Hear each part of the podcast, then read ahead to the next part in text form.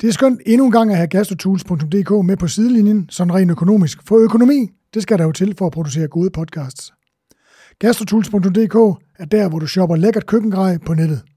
Fra læderforklæder, pincetter, skraldeknive over til knivserien med klinger af japansk VG10-stål i hele 67 lag til den helt klassiske kokkestegepande i kulstofstål og meget, meget andet. Velkommen til endnu en episode af det, der er gået hen og blev et halvstort journalistisk hobbyprojekt. Danskernes øjne har i de senere år øh, vendt sig i retning af de danske kokker og deres restauranter. Vi spiser ude og følger Michelin-stjerneuddeling, kokkekonkurrencer og mad som underholdning som aldrig før. Derfor har jeg, din vært Thomas Rode, sat mig for at finde ud af, hvad der banker under kokkejakken, og hvad der rører sig under kokkeugen på nogle af de kokke, øh, der har været medvirkende til, at Danmark i dag er andet end blot en diminutiv sovseklat på den gastronomiske globus. Og øh, i dag, det, det, første, det er faktisk lidt et forsøg, det her. Det er første gang, at jeg har hele to kokkebasser. Øh, og det er faktisk basser, der er ikke nogen basseriner indimellem. Det er jo meget MK øh, øh de her dage, men det er to basser, der er inde i dag. Øh, og det er første gang, der er to kokkebasser i studiet på samme tid. Men det er ikke øh, på ingen måde de to, øh, de to første gang oplever hinandens selskab. For det er mange, mange, mange år siden, at de to kastede kærlige blikke på hinanden og valgte at blive et par.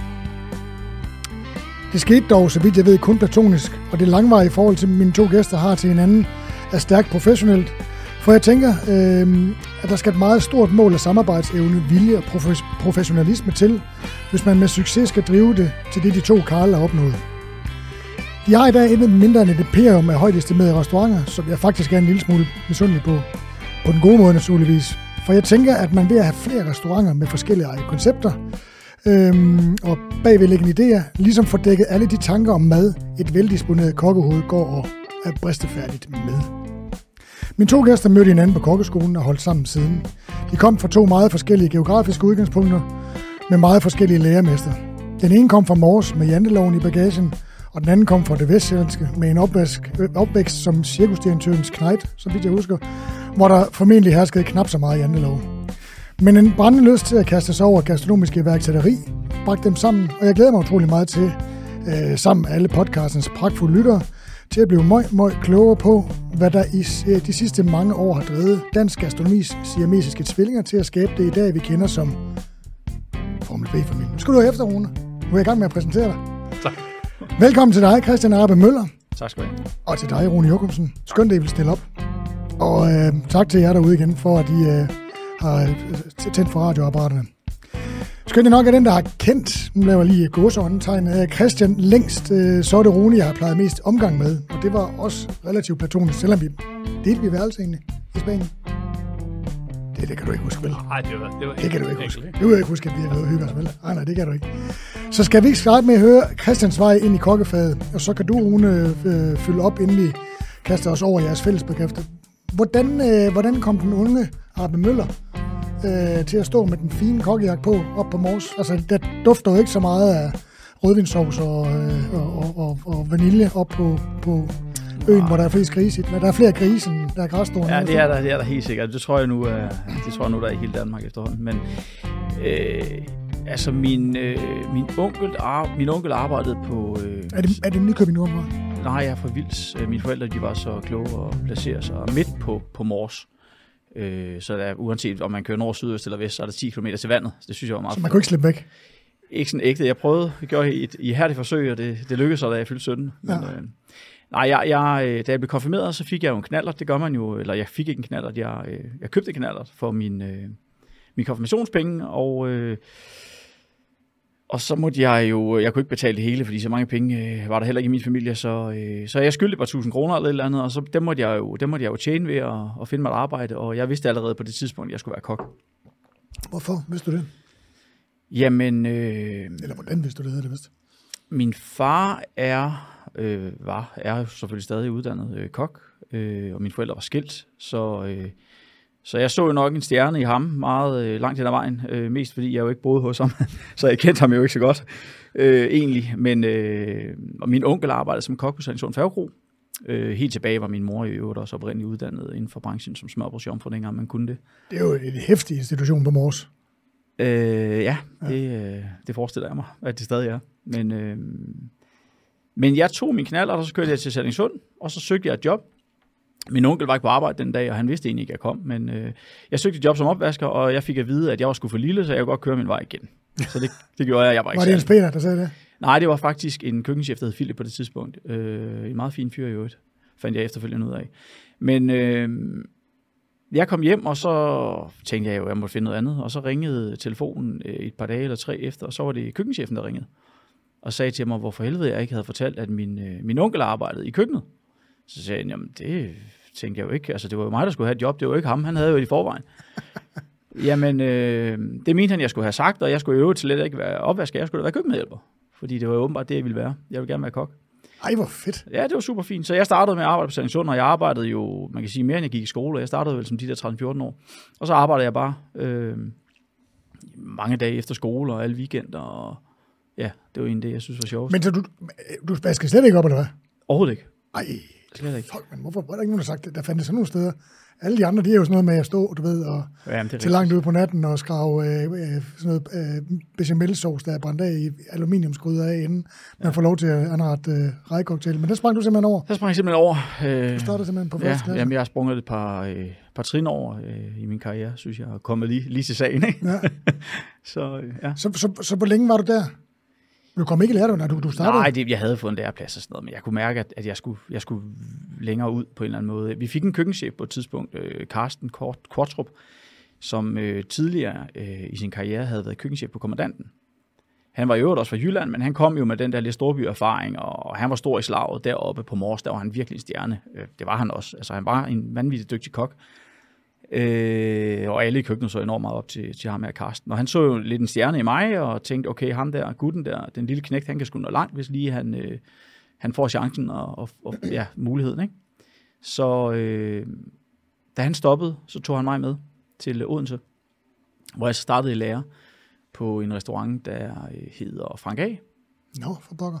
Det var jo ikke, det var sådan mere sådan et café-sted, men det blev købt af, Ja, det var vel Odenses uh, Café Victor, kan man sige. Ja, det var det, det var det. Og så øh, blev det købt af Palle Skov, ham der havde Jensens Bøfhus, og han ville lave sådan et bedre spisested, det skulle han prøve at, at rode med. Carsten blev headhunted til jobbet, og jeg tog med. Og efter nogle få måneder, så finder øh, den kære Palle Skov ud af, at det er sjovere at drive Jensens Bøfhus. Det var det på det tidspunkt i hvert fald. Så øh, han lukkede det ned igen, og vi lavede en cash cow. Så, Så det var øh, faktisk, det var, det var ligesom ham, der var inde på den legende, som, altså det ikoniske sted, som Frank A. var. Ja, Det var, Øh, altså skov. Ja, det var det, det var det. Øh, jeg ved ikke, hvor lang tid han havde det og så videre, men jeg skulle selvfølgelig stoppe, det er klart, øh, og jeg havde heller ikke ønske om andet jo, men øh, jeg tror, Carsten han følte sådan et særligt ansvar over for mig, fordi han ligesom havde fået mig til at flytte til Odense. Jeg var 17 år gammel, og min mor var måske ikke sådan super klar til, at jeg skulle flytte, men, men, men jeg, jeg fik i princippet heller ikke lov, hvis man kan sige det sådan, men jeg, jeg sagde jo bare til hende, jamen så sidder jeg jo bare her, indtil jeg bliver 18, altså selvfølgelig, det kan du ikke bestemme, så det kunne hun jo godt se, at min vilje var jo relativt stærk, så, så jeg tog jo selvfølgelig afsted. Øhm, så efter en tre måneder i Odense, tror jeg, det blev til, jamen så øh, tog Karsten øh, og smed mig ind i, øh, i sin Honda, og så kørte vi til København, ham og jeg. Og så øh, var vi inde og tale med forskellige restauranter, hvor han ligesom havde set det som øh, sin fornemmeste opgave at skaffe mig en, en ordentlig læreplads. Så det øh, skylder ham. Jeg har ham jo alle mulige tak for i dag. Så vi var inde og tale med kommandanten, og vi var på Le Sommelier, og vi var på kanalen, og på sådan en rundfartstur. Og så kørte vi tilbage igen til... Hvor han havde lidt kontakter. Ja, og selv havde arbejdet, ja, og selvfølgelig, ja. ja. Så jeg endte jo faktisk med at få en læreplads på kanalen, øh, og noget at skrive under på kontrakten. Og så ringede de fra kommandanten, der havde jeg været på prøve. Var det Agerlin, der var køkkenchef dengang? Det var jo mindst... Var, det, var, var der en, der hed Rasmus eller sådan noget? ikke? Rasmus? Ja, okay, ja. jeg kan ikke være klar over Jamen, hans efternavn. jeg ja. overtog efter ham, og så kom han tilbage igen. Ah, Og okay. det må, som jeg lige, det må være der, for det var i 95. Jeg var køkkenchef i 95. Altså, jeg, jeg var jo, øh, jeg var jo, altså, jeg voksede jo først øh, ret sent. Det, jeg, var, jeg kan se, jeg kan huske, at jeg har set et billede fra, da jeg var assistent hos, øh, til på Kyst over i 1997, der var jeg sådan to hoveder mindre end Mikkel Morbjerg, ikke? Og det er rigtigt, der var lås med det. Hold da kæft. Så, øh, så jeg startede der, øh, eller jeg fik en læreplads, og, øh, og jeg kan huske på min prøvevagt, der var de jo sådan dybt imponeret, fordi jeg stod jo der og var øh, halvanden meter høj, og der var ikke så travlt. Hvad skal jeg lave? Og nej, der var ikke så meget. Sådan, hvad med de der laks? Skal jeg ikke lige flække dem? Du ved, står der sådan en, en, en ung gut der, og spørger, om han ikke lige skal flække de der laks, og jeg tror, de fik et chok over. Jeg tog de der laks op, som det var det mest naturlige i hele verden, og begyndte at skære dem ud, og sådan, du ved. Fordi jeg havde stået i køkken i mange år på det tidspunkt. Øh, så der fik jeg en læreplads med det samme. Øh, men så var det så, at de ringede fra kommandanten og sagde, at, øh, at deres elev var stoppet, og jeg kunne starte i morgen. Fordi jeg havde været på prøve der, og jeg tror, i princippet tror jeg egentlig gerne, de ville have, at jeg startede, men jeg tror også, de tænkte, at jeg var sgu lidt for lille og lidt for ung, og du ved. Men, øh, men jeg havde jo, man kan sige, viljen og lysten, og jeg spurgte, om jeg ikke kunne komme igen og være øh, volontør og så videre og så videre. Og, og så tror jeg bare, at de tænkte, at lad os giver ham chancen, han vil jo gerne. Ja. Øh, og så greb jeg den. Og jeg var jo elev hele min øh, hele læretid, læretid på, på kommandant. Og lærte det, som, egentlig, som, som mange, som de færreste kokkelever der gør, det der med, at de er det samme sted. Jeg bruger rigtig meget tid at snakke med i programmet, fordi der er rigtig mange der, der kokkelever, der er sådan er sindssygt bange for, at de ikke når det hele. De tror jo, altså, det er jo sådan, når de har været der 14 dage, altså, hvorfor har jeg ikke været i fjernsynet endnu? Ja, altså, det er ikke ja. Og det er jo sådan lidt, altså, man, man når det hele, og ved at, og ligesom, nu har du været, at du har så to køkkenchefer i din læretid, så vidt jeg husker, ikke? Mm, jo, som elev, jo. Ja. Og, og det vil sige, at, øh, at når man er et sted, så lærer man jo også hierarkiet, man lærer at komme op af, man lærer, hvad det vil sige at give den gas, så man ligesom også kommer, kommer med op og arbejder ja. sig op i hierarkiet. Ikke? Altså, og så har jeg aldrig oplevet på kommandanten, at der ikke var noget at lære. Altså, det var jo et, altså, det var jo et tårn, du kender det jo ja. indgående også, ikke? Du var jo pendant til kommandanten, det var jo det var de to, det var kong Hans og kommandanten, der ligesom sad på det dengang, ikke? Ja, ja der var lige den der lortestjerne til fortsæt. Den tager vi senere. Det var det var men øh, ja. Jokumsen, hvordan, øh, hvordan kom du ind i det her? Jamen, jeg er stadig helt imponeret over, at du slap igennem HR-afdelingen på kommandanten. den tager vi senere. Nej, det var der ikke så meget af dengang, vel? Nej, Nej. det var der ikke. Nej. Ja, men historien på mange måder kan faktisk minde lidt om Christians. Jeg tror faktisk, jeg gav vores HR-medarbejder på Kong Hans. Jeg tror faktisk, hun havde overlov der fra 96 til 2014, faktisk. Da du huserede? Ja. ja. Det var en, der, var meget opsparing. Der var meget opsparing under, efter Daniel. Nå. Eller også var hun bange for dig. Det kan være. Ja, ej, der er sket meget. Ej, men øh, egentlig så på mange måder kan det minde meget om Christians historie. Altså, da jeg er 14-15 år, der øh, øh, er en af min fars rigtig gode venner. Øh, og han var faktisk sikkerhedsdirektør, din far. Ja, det var han faktisk. Det kan vi tage senere. Ja, men, øh, det var fedt. Men han hjalp øh, med at lave sådan en dinner-transportable, som det hed dengang. Ja. Mad ud af huset, hvor det er en privat hobbykok, som egentlig kommer og, og, laver mad. Og jeg kom ind under vingerne på ham og lavede helt sindssygt eksotiske ting. Det var kylørtesteg med timian, og Hold da op. Uh, jeg tror også, vi lavede ratatouille, og vi lavede portærter. Med... Man kan få letmælk til at blive sådan en tyk en masse i flødekartoflen, ja, der minder meget om fløde, men ikke var det. Men, men vi lærte at lave rigtig god mad, og egentlig så handler det bare om at lære at få de der forskellige råvarer i, igennem hænderne. Og øhm, ret hurtigt fandt jeg ud af, at jeg var drevet af at ville være kok, og det bundet egentlig ud i, at min far i sådan en ordentlig, øh, ordentlig brændert øh, mødte Stig Arnsel, som havde bjørnekælderen. Ja, det er sådan en lang starut, ikke? Ja, en lang starut. Og øh, Stig Arnsel var faktisk, han er den, en af de første, der fik en Michelin-stjerne i Danmark.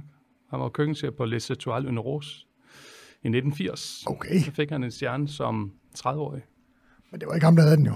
Nej, det var Per Mandrup var restauratør i hvert fald. Men Stig var køkkenchef. Fik, øh, fik hurtigt den ikke inden. Det er et ord. Ja. Men det er også lige meget. Det er ikke det, det den historie, jeg har fået. Nej. Jamen, det kan godt, de kan godt divergere en lille smule. Der, jeg, ja. jeg, tror heller, at det står også, det er meget uklart, hvem der fik stjernen til Kong Hans dengang. Ja. Jeg tror, der er en 3-4 stykker, der hævder, det er dem. Men, øh, men, men anyway, så... Øh,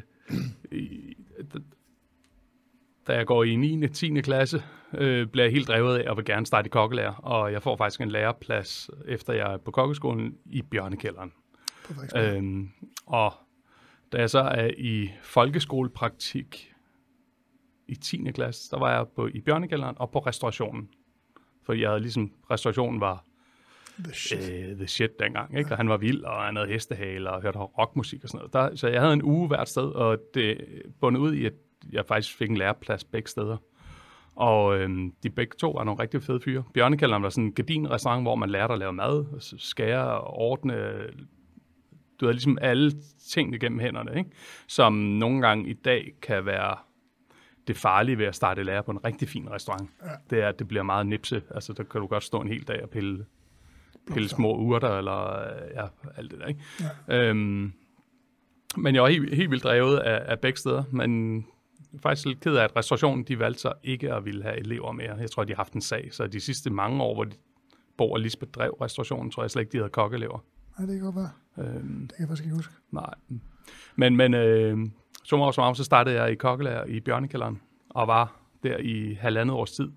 Og Bjørnekælderen var drevet dengang af Stig Arnsel og så Mette Arnsel. Og Mette er, jo, er vi jo kollegaer med i dag. Hun driver 12 og snaps og er stadig i branchen, smørbrødsrestauranten. Sådan der. Ja, og øh, efter, jeg tror, halvdelen af min læretid, der kunne jeg mærke, at jeg ligesom havde udtømt og havde lært det, jeg egentlig følte, øh, jeg kunne der i bjørnekælderen. Og havde lyst. Bjørnekælderen var meget sådan, det var, det var sådan, det var frokost, det var teater, så vidt jeg husker. Det Det var var, sådan, det var altid, øh, det var altid med og nævnt i smag og behag og de der ja. øh, magasiner og sådan noget, der var dengang. Det var sådan et sted, man, ja. man talte om, altså, en, altså good value for money, ikke? Jeg har brugt mit udtryk dengang. Det kan godt være, det hed noget andet. Ja. Det lød bare meget Det var i hvert fald klassisk dansk, fransk mad. Der var, Ja. ja. men, men måske også, hvis man kigger på nykortet i dag, så er det totalt blandet landhandel med lidt smørbrød og en club sandwich og en varm ret og mulle mayonnaise. Jo, men det var trods alt lidt andet end en, en engelsk bøf med bløde løg og sådan noget, Klart, ikke? klart, Altså, klart. ja, ja. Men der var, der var blevet rørt lidt i gryden og fået blandet lidt forskelligt sammen. Ikke? Ja. Øhm, men jeg lærte at lave alting.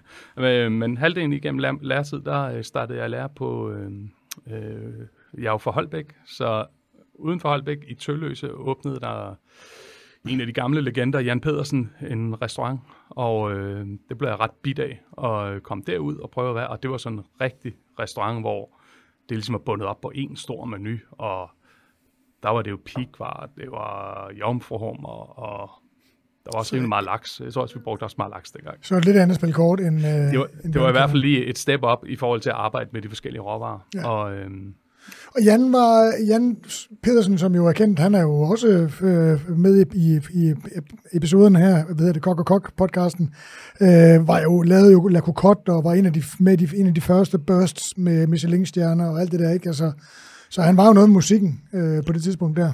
Klart, man kan sige, han var restauratør og stod ikke i køkkenet, men han var, var altid øh, til stede, i og med at han, han boede på restauranten. Han boede, øh, han havde en lejlighed op over restauranten, så der var ikke mange dage, hvor man kunne, kunne lave fis og blade, hvor chefen havde, havde fri. Vel? Men øh, man kan sige, det var også en restaurant, der ikke gik særlig godt økonomisk. Og øh, når man arbejder sådan et sted, så kan det også godt tynge lidt af nogle af de ting. Der var simpelthen ikke gæster nok. Og gæst, der var heller ikke gæster nok, der var villige til at betale det, det kostede at skulle lave. Jeg tror, når man kigger tilbage, så var maden jo sindssygt billig. Ja, og ja nu, men det var jo Jans, øh, ved jeg jo fra, fra min samtale med ham, at det var jo Jans udgangspunkt. Det var jo, altså den oprindelige La Cocotte omme på hotellet heromme, øh, var jo, var jo sindssygt billig. Øh, vinene var billigere det ene. Jeg ved ikke, om det var det, der var hans udgangspunkt. Øh, men han tog vel derud, fordi han regnede med, at nu kunne han, øh, altså super, jeg har faktisk aldrig været der, men jeg går ud fra, at det er en super flot øh, nu, kan jeg, nu er tiden moden til at flytte til Vestjylland og få økonomien, eller få gastronomien derud. Men det, det var det så ikke. Nej, det er det. I dag tror jeg, du kan meget mere, og der er folk jo mere åbne. Men altså, øh, dengang, det gik ikke særlig godt. Men, og der var ikke gæster nok til, at det kunne være en rentabel og en fed forretning. Og det er jo det, der skal til for at skabe en, en rigtig god arbejdsplads. Det er jo også, at der er økonomi øh, til, at personalet kan hygge sig, i stedet Ja. for, at man altid skal... Lige slæve lidt ekstra, lidt ekstra kroner hjem til huslejen. ikke? Ja, og det var nok det, der lidt, bare lidt præg af. Men, øh, men jeg lærte helt vildt meget, og, endte faktisk også med at blive køkkenchef på Elverdamskronen.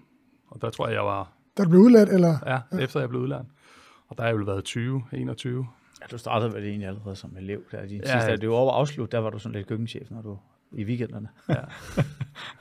Det, men det var nok også i mangel. Jeg synes jo, det var fedt dengang, men det var også nok lidt i mangel af bedre, Ja, at der ja, står jeg, en kokkeelev og Jeg kan godt huske, for jeg stod der også, og vil du ikke være souschef? Åh, oh, ah, sindssygt. Ja. Men, men hvor lang tid var du køkkenchef så? Inden du tænkte, ah, Jeg, jeg var køkkenchef i et års tid. seriøst så længe? Ja, Wow. ja. Og det var helt vildt godt. Altså, jeg lærte også rigtig meget af det. Øhm, og under, under, under skoleforløbet, det er så der, jeg møder Christian. Altså, vi går på kokkeskole sammen. Ja. Hvis lige at wrap op, Christian, hvad, hvad var, øh, altså, hvad, hvornår startede du i lære? Det, det gør du vel i 5, 96 eller sådan Ja, noget? jeg tror, vi var helt oppe og ramte 97, før jeg startede i lærer. Ja, 97 tror jeg. Men det var med Francis som køkkenchef. Yes. Og, øh, altså, og dengang, der var, der var, hvis vi siger, at øh, restaurationen var the shit, så var, øh, så var, øh, så var kommandanten jo the double shit. Altså, ja. det, var jo, det, var, det var jo den, også mere end Kong Hans, tror jeg faktisk, det var jo den internationale restaurant, hvor, hvor folk kom, øh, jeg husker, der var noget med Jacques Villeneuve, og der, der var sådan en masse sindssyge ja, mennesker, der kom, ja, ja. som selvfølgelig kom over på den, den restaurant i byen, der har den største rating, det er klart. Men det var, det var den første med, med altså det var ikke den første med fransk køkken, men altså hvor der kom udlændinge, og hvor der var en international atmosfære.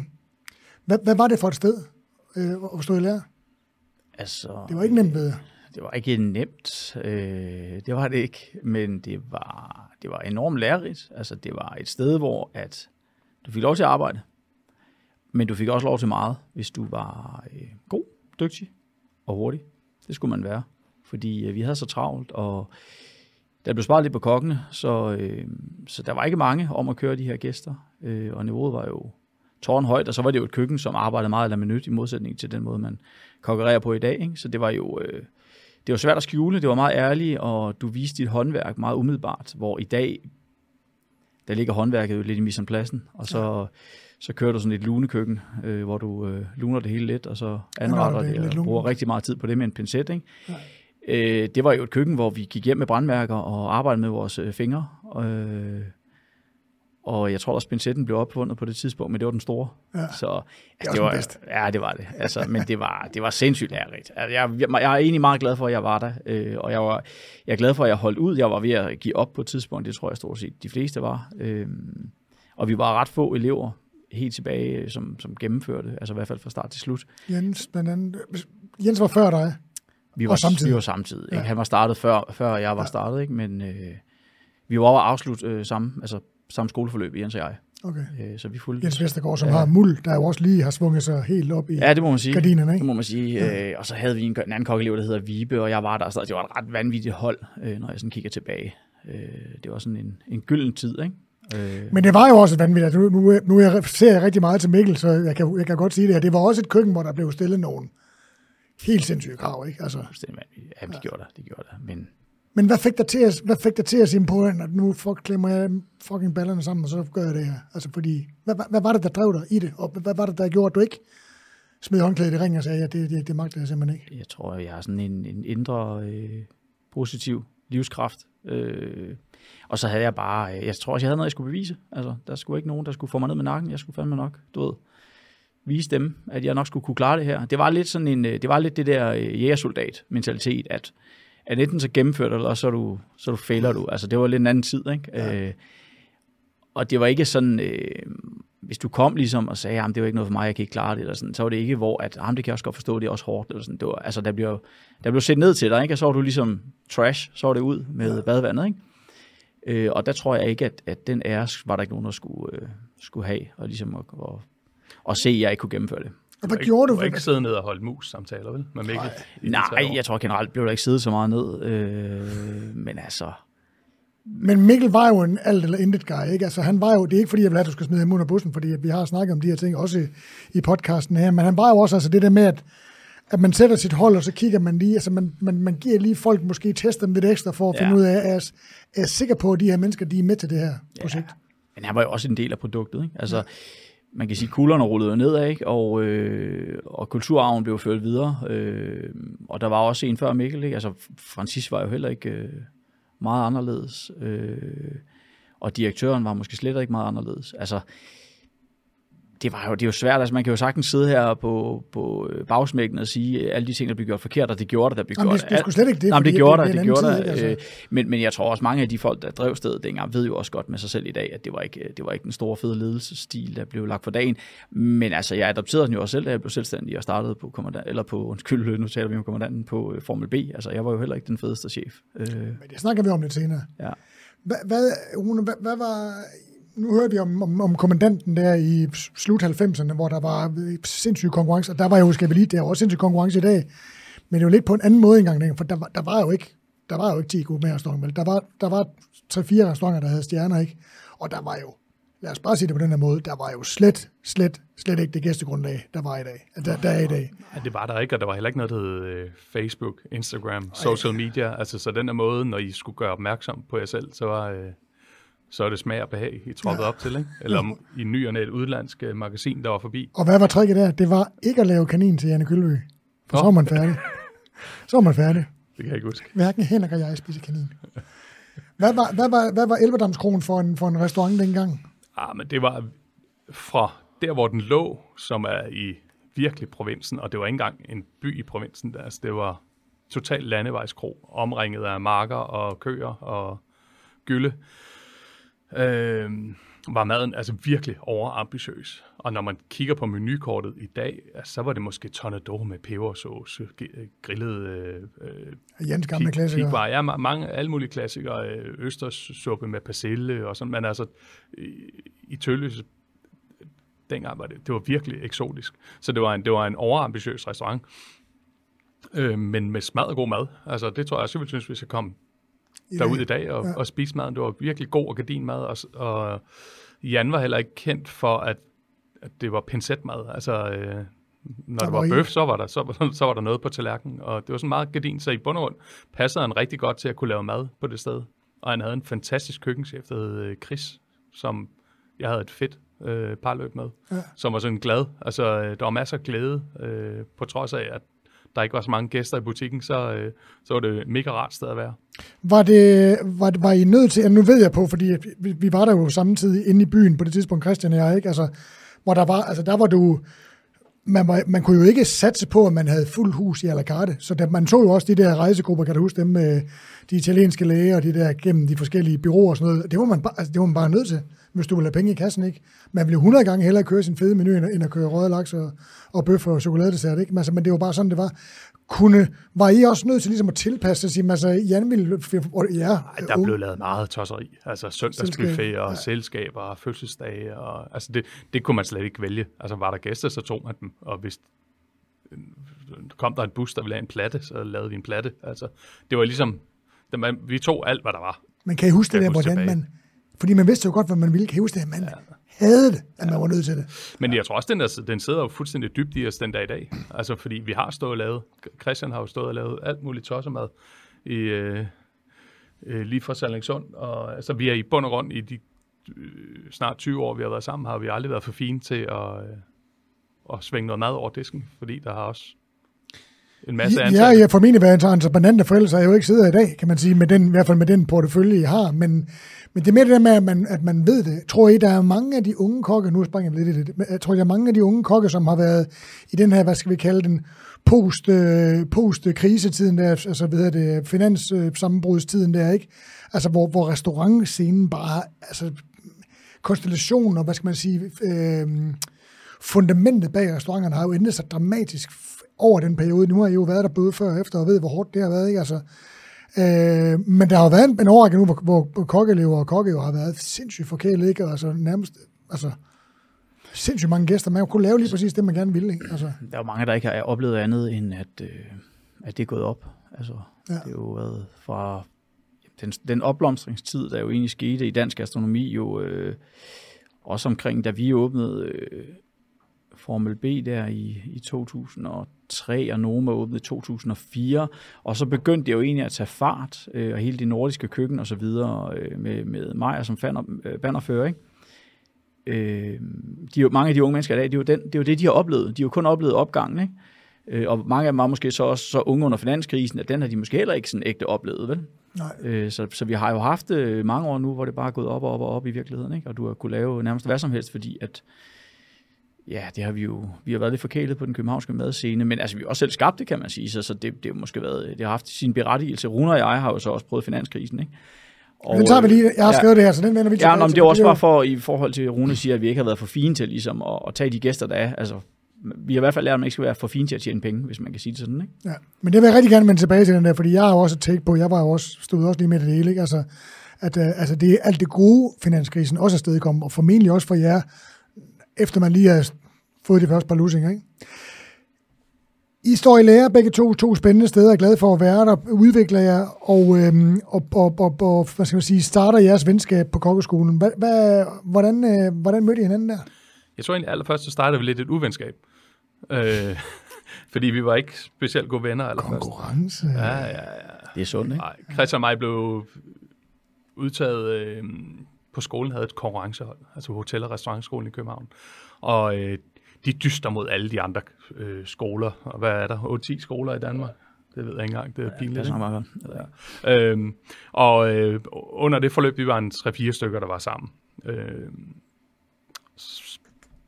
til at starte med var jeg sgu ikke specielt pjattet med Christian.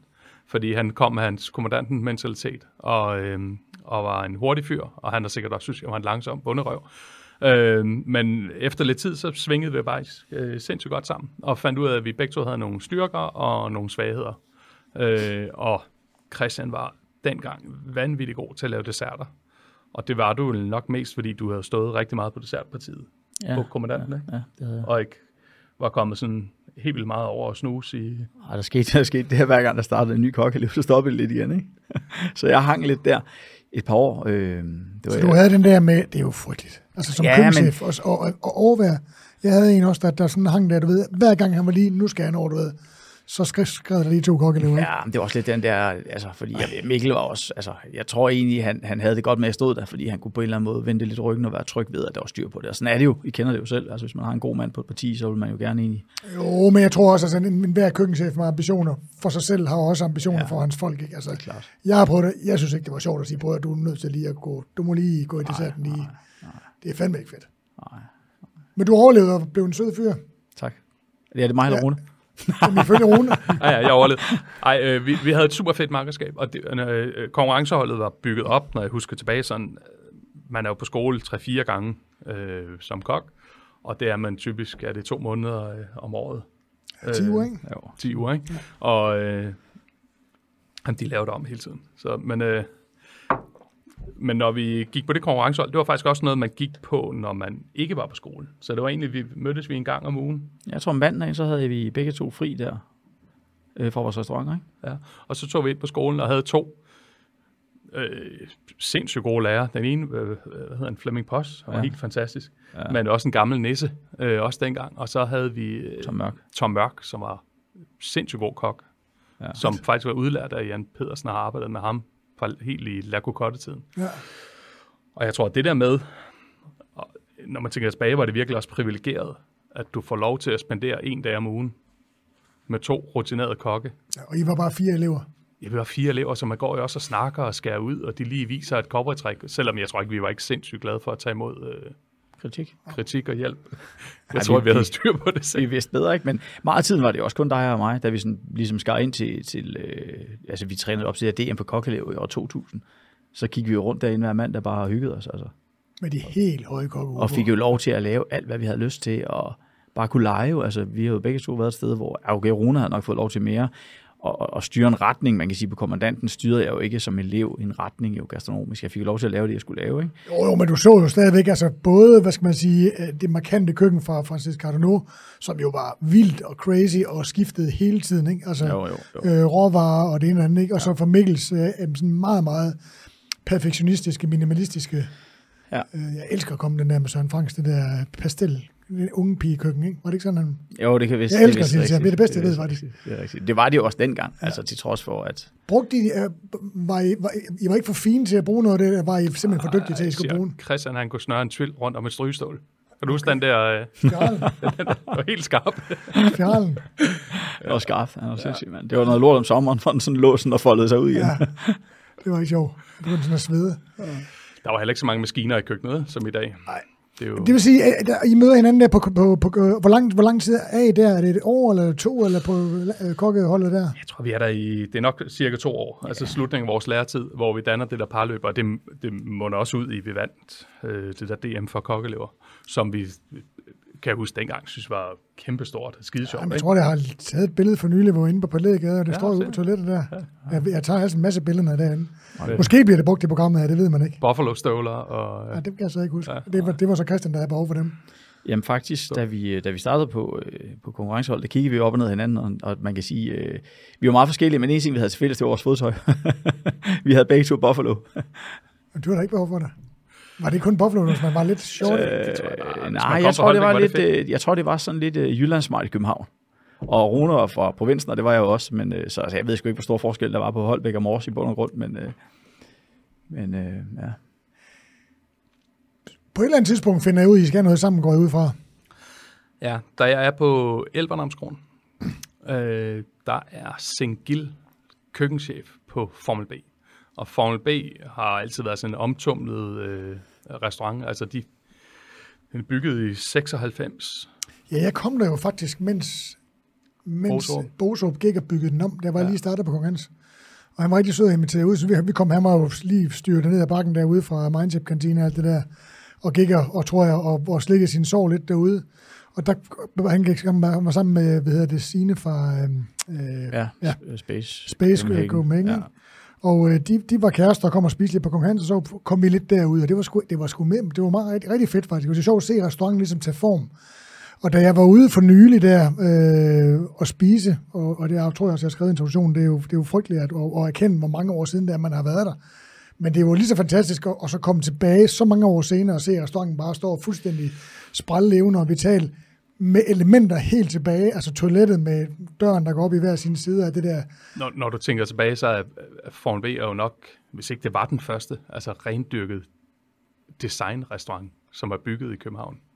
Det er jo den Ja. tid, måske Konrad var også øh, Ja, nogen, der har sat sig ned og lavet en plan, altså hvor ellers er mange andre restauranter, specielt dengang. Jeg jeg vil lige spole tilbage. Ja. Hvad, er det, hvad er det for en restaurant, I møder dengang? Hvordan kommer det til? Altså, øh, Formel B, tænker du? Ja. ja. Okay, jamen, jeg blev... Øh, Sengil og jeg. Sengil var køkkenchef på Formel B, og han vidste, jeg var på Elverdamskronen. Og han spurgte om... Øh, jeg tror faktisk, det var via dig, Christian. Jamen, jeg boede sammen med Martin, som var øh, souschef på, øh, på øh, Formel B på det tidspunkt, øh, Martin Pedersen. Øh, super fed fyr. Vi boede sammen i en lejlighed i en Ramsborgade, Ramsborgade. Og øh, han stoppede, og så ringede jeg til Rune og sagde, nu er det nu. Fordi vi, altså, vi vidste jo egentlig, at vi gerne ville overtage den restaurant, faktisk. Vi havde allerede, Den restaurant. Ja, ja.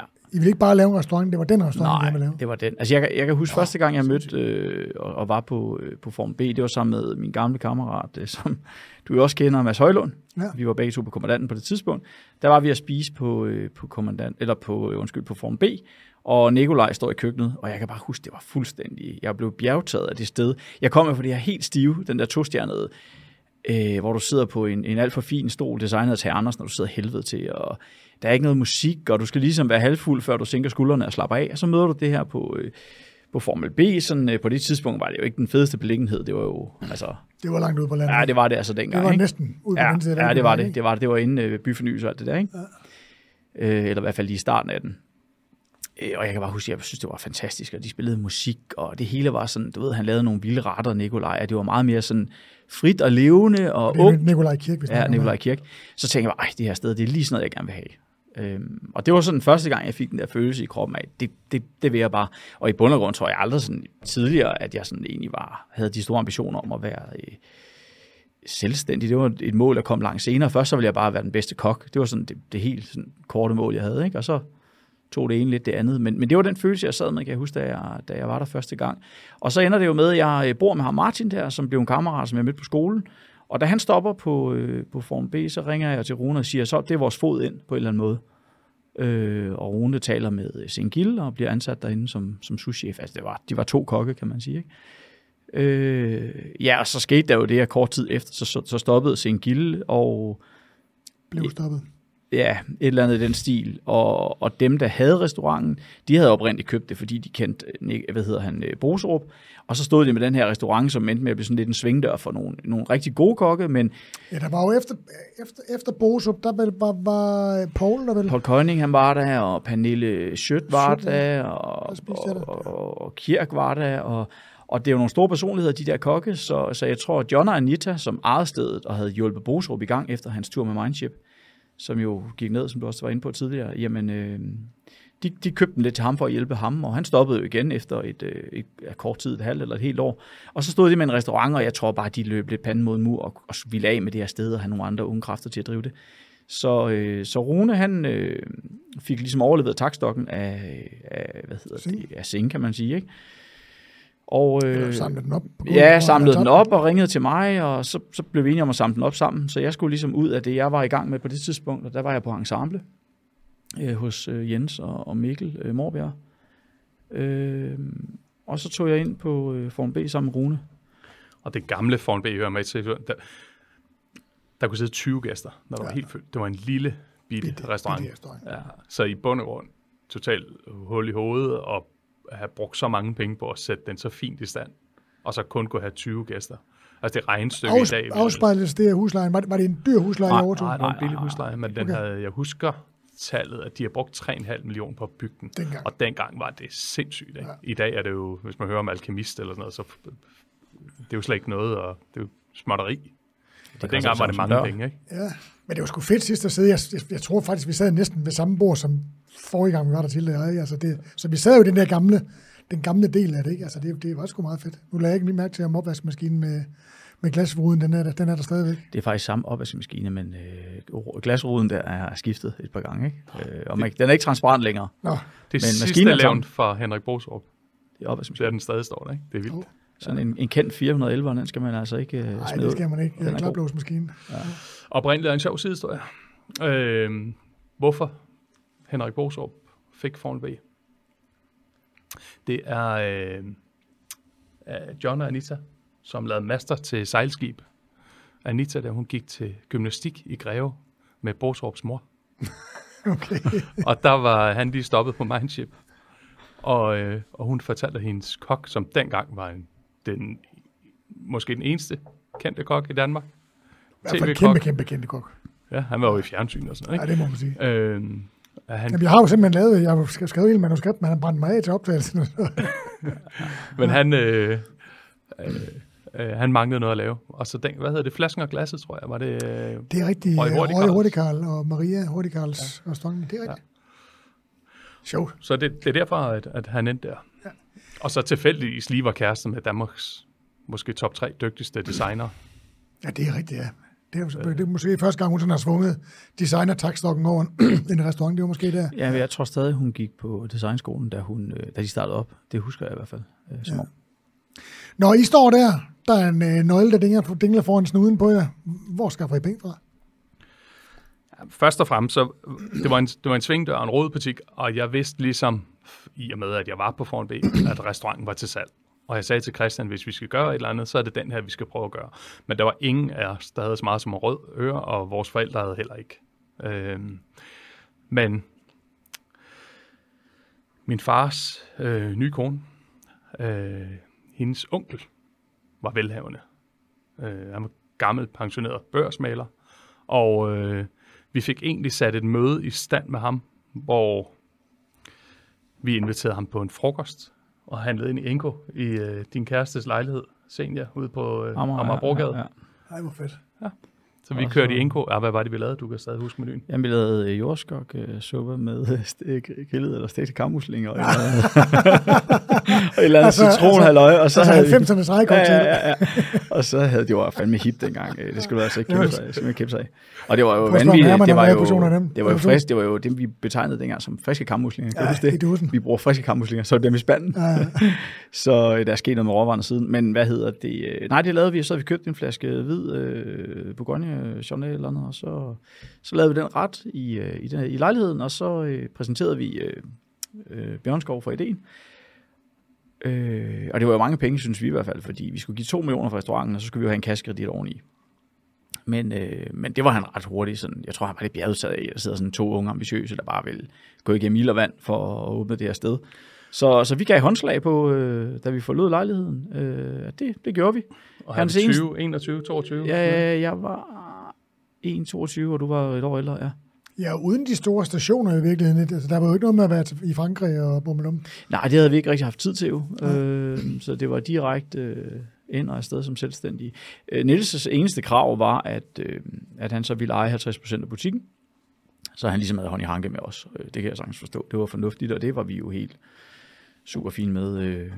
Ja, ja, vi, ja, hvis han havde sagt, at vi kunne få 5%, 5% hver, så havde vi også øh, gjort det. Men vi var jo i banken, som Rune også sagde øh, selv, og når jeg sådan tænker tilbage, så er det jo helt fjollet. Altså, vi var jo inde og tale med øh, banken og spørge, om vi kunne låne øh, penge til at åbne en restaurant. Eller sådan, du ved, og, og nu er vi jo sådan lidt mere indgående kendskab til, til den verden i dag, og, øh, og hvis der er noget, man ikke kan, øh, så er det at låne penge i banken. Det var så. Øh. Ja, i hvert fald ikke uden sikkerhed. Nej. Så Men det stillede han så. den stillede han. Ja. Og så var det i gang, og det gik jo det gik jo helt af helvede til. Bortset fra, at vi lavede noget fantastisk mad, synes vi jo selv, og vi var jo super stolte og glade for det, vi lavede, men der kom jo ikke nogen gæster. Altså, ingen, jeg kan huske, vi havde en lørdag aften, hvor der var nul gæster. Det var en sommeraften, men, men vi var på en eller anden måde også meget øh, sådan ukulige. Så vi gjorde det, vi ringede til vores venner, og så holdt vi en fest ude foran den sommer der. Øh, og drak en masse vin. Og vi havde jo ikke rigtig råd til det, men det gjorde vi alligevel. Men altså, øh, vi blev reddet, fordi vi fik jo Michelin-stjerne efter et år, så det, ja, så kom det jo, ikke? Vi overtog Formel B 1. marts 2003, Ja. og det var en fredag. Og øh, jeg kan lige så tydeligt huske, vi havde sendt en, tror jeg, sendte vi en pressemeddelelse ud. Ja, så havde vi havde købt restaurant uden vin. Så vi skulle sådan overtage fra den ene dag til den anden, da man skulle ned i luk en torsdag. Vi, Ja. havde, vi stod jo i køkkenet. Så øhm, Havde I ikke sådan en prøvemenu og sådan noget? der nej, det, det var der ikke så meget af der. Så, så det eneste, der var købt vin hjem til en vinmenu. Og dengang, der var en stor menu, det var ligesom en femretters menu. Men, men, men det var jo også stedets DNA, fordi så vidt jeg husker, det, her, det hold, der var med Singel, og hvad hed han op fra Morsers, øh, Christian Brask. ja, det var jo også noget med en menu og en, og en vinmenu. Det var nemlig stedet det, Ja. ja. ikke? Og, øh, Det er da okay måde at starte på. Ja, og, om fra, der, der, var, der, første aften, kan du huske, Ole Troelsø kom og anmeldte. ja, de gjorde, og vi havde jo vinkortet, vi ville ikke overtage vinen jo. Øh, det kan jeg ikke huske, hvorfor vi ikke ville det.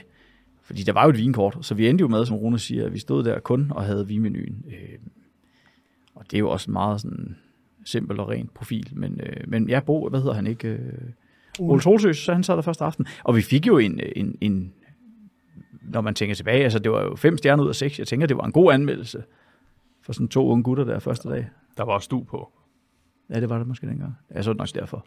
Strøget du, du ikke? Det var Ja, det kan jeg godt store, store servietter. Det er også lækkert. Han er har det. været helt ung dengang også, ikke?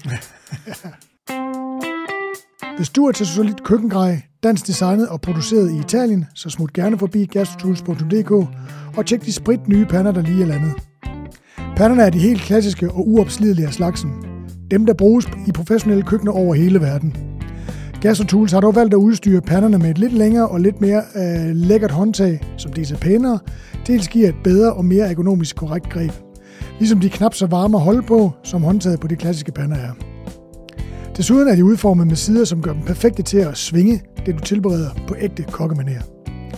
Besøg gerne gastrotools.dk og se panderne der, men pas på, der er så meget andet lækker knø- køkkensnoller, at det måske bliver svært at begrænse sig. Så der står I der og får en Michelin-stjerne. Øh, I året op til der, der, der, kom der, altså, der kom flere gæster gået ud fra. Vi fik den madanmeldelse, og man kan sige, dengang, hvis du skulle gøre opmærksom på dig selv, så var det jo faktisk kun madanmeldelser og avisartikler. Der var ikke, du kunne ikke rigtig...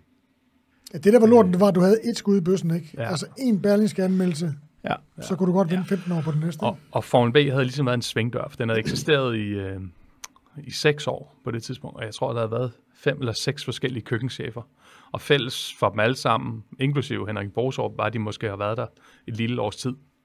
Og alle sammen har altså også fået en madanmeldelse. Så jeg kan huske, da vi overtog, og vi sendte en pressemeddelelse både til Søren Frank og, og Jyllandsposten og hvem det nu er, hvor der faktisk ikke nogen af dem, der følte, de kunne komme og for, forsvare og give os en madanmeldelse igen. Ja, det kan man da godt forstå. Øh, Fordi jeg tror, at de frygtede, at det var endnu en døgnflue, som Ja. ja. alle, du har sikkert også grint af os dengang, ikke? Det er svært at tro. Det tror jeg bestemt ikke.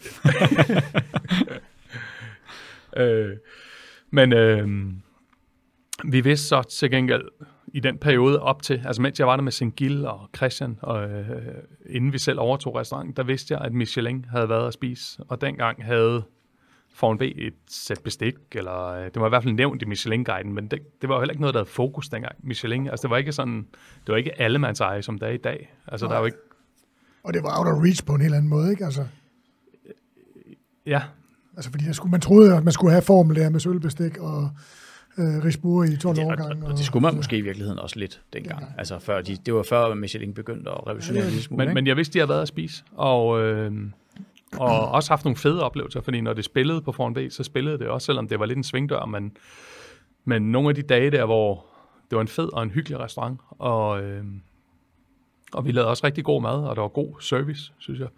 Øh, og jeg kan huske,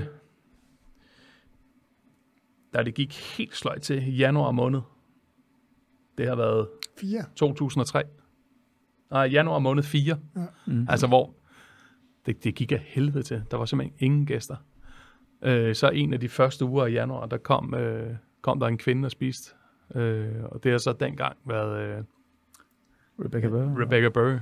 Øh, og øh, jeg husker også, vi fik der købte mig en helt stor, flot buket blomster, og det hele så pænt ud derinde. Ikke? Den fik lige en ordentlig tur. Øhm, og øh, jeg husker også, de havde en, en fed aften. Dengang var det nemmere måske at genkende, hvis der kom nogen fra Guide var det. Michelin. Det var altså, øh, på trods af, at man ikke havde dinnerbooking eller registreringer eller sådan, det var jo en gammel San Pellegrino øh, kalender, man, Ja, man, man skrev, skrev reservationer i. Ikke? De var pissegode. Sådan en med. gratis bog, man har fået. Man stod, kan jeg huske, man stod der med Dinnerbook, øh, Pellegrino-bogen, Pellegrino-bogen. Ah, vi tager lidt over mere med Pellegrino-bogen. Ja, ja. Øh, men, men, men de har haft en fed oplevelse. Og så skete det, og det, og det var en kæmpe overraskelse. Øh, og selvfølgelig havde vi jo nok en eller anden tyrk og tro på, at det nok skulle lykkes, men vi fik den der Michelin-stjerne øh, 11. marts 2004, efter vi havde været i gang et år. Og det var totalt vendepunktet. Øh, for det første var vi mega lykkelige, men det var faktisk også Michelins vendepunkt, hvor de gik lidt ud af rollen for at være stokkonservative til at være lidt mere open-minded. Men der var, nej, det var først efter... øh, Det var skal- tyv, ja. restaurant Tyven og kokken, øh, hans kone og hendes elsker, fik også en stjerne, ja. og Paul Cunningham fik en stjerne i Tivoli. Og, også, og det var tre Michelin-stjerner på én gang. Det var, aldrig, det var aldrig sket før, jo. det var jo fuldstændig vanvittigt på Ja. det tidspunkt. Ikke? Og det var også med til ligesom at sætte Michelin lidt på Danmarkskortet, at det blev fra det år, så begyndte det sådan bare at vokse år for år og blive større, en større og større ting, også i medierne. Ikke? Ja. Og, så, og det, var, det, det var det, der gjorde, at det var ikke Michelin som sådan, der reddede os. Det var ikke det, der gjorde, at der kom gæster, men det, det ligesom øh, gav med sig i slipstrømmen. Og det gjorde jo, at så kom blandt andet Søren Frank jo kort tid efter for Berlingske, og så fik vi en topanmeldelse, Så kunne de godt øh, ligesom... Øh, Ja, og det kan jeg jo sagtens forstå, fordi ja. jeg tror egentlig, det var efter den aften, hvor han sagde, jamen, han havde jo været der hvert år de seneste 5-6 år, og det har jo været, jeg tror egentlig, det var gode anmeldelser, og det var gode kokker, der havde stået der jo, men han kunne ikke blive ved med at forsvare over sine læser og, øh, og komme igen. Altså, men der var ligesom, der var sket noget, som gjorde, at, at, at der skulle de selvfølgelig besøge os, og øh, det var helt fair, og, og det gjorde de så, og vi fik en god anmeldelse, og så, ja, så kørte det bare derud af øh, ufortrødent, indtil finanskrisen kom i virkeligheden. Så. Den førstkommende fredag var både Jyllandsposten og Berlingske Tidene gav os en seksstjernet anmeldelse. Ja. Og jeg kan huske, det var ligesom vendepunktet. Altså, og vi var, der var Christian og mig i køkkenet, og en kokkelev. Og i restauranten var de to tjenere. ja, det er crazy nok, ikke? Altså, vi var ingen ansatte. Øh, men det gjorde jo også, at niveauet var højt. Altså, det var sgu altid os, der stod... Øh, Jo, men lige at tænke, altså jeres organisation, jer- jeres andre restauranter nu, og andre lignende restauranter inde i byen, det er jo, det er jo crazy. Fuldstændig. Det er udvikling. men, men, men det er jo en sjov tid at have været med i, men det var, det var et andet spil kort, ikke? Man skulle, altså, og det er, det er jo ikke, fordi jeg ikke siger, at man knokler. Der er jo også meget, mange flere ting, ikke? Altså, jeg kan huske, at mange ved at bare servere nogle friterede jord- pastinakker, ikke? Så var man jo helt overbebyrdet, og, altså som, som, som, som, som, som snack inden, ikke? Altså, var man helt øh, sindssygt meget arbejde, og nu ser man, hvad man, hvad man, hvad man får på restauranterne, ikke? Men det tog os, jeg kan huske, det tog os en måned at få indhentet alt det, vi har tabt hele året. Altså det gik fra, at vi, vi nok skulle have drejet nøglen til, at Vi tog sgu et år mere.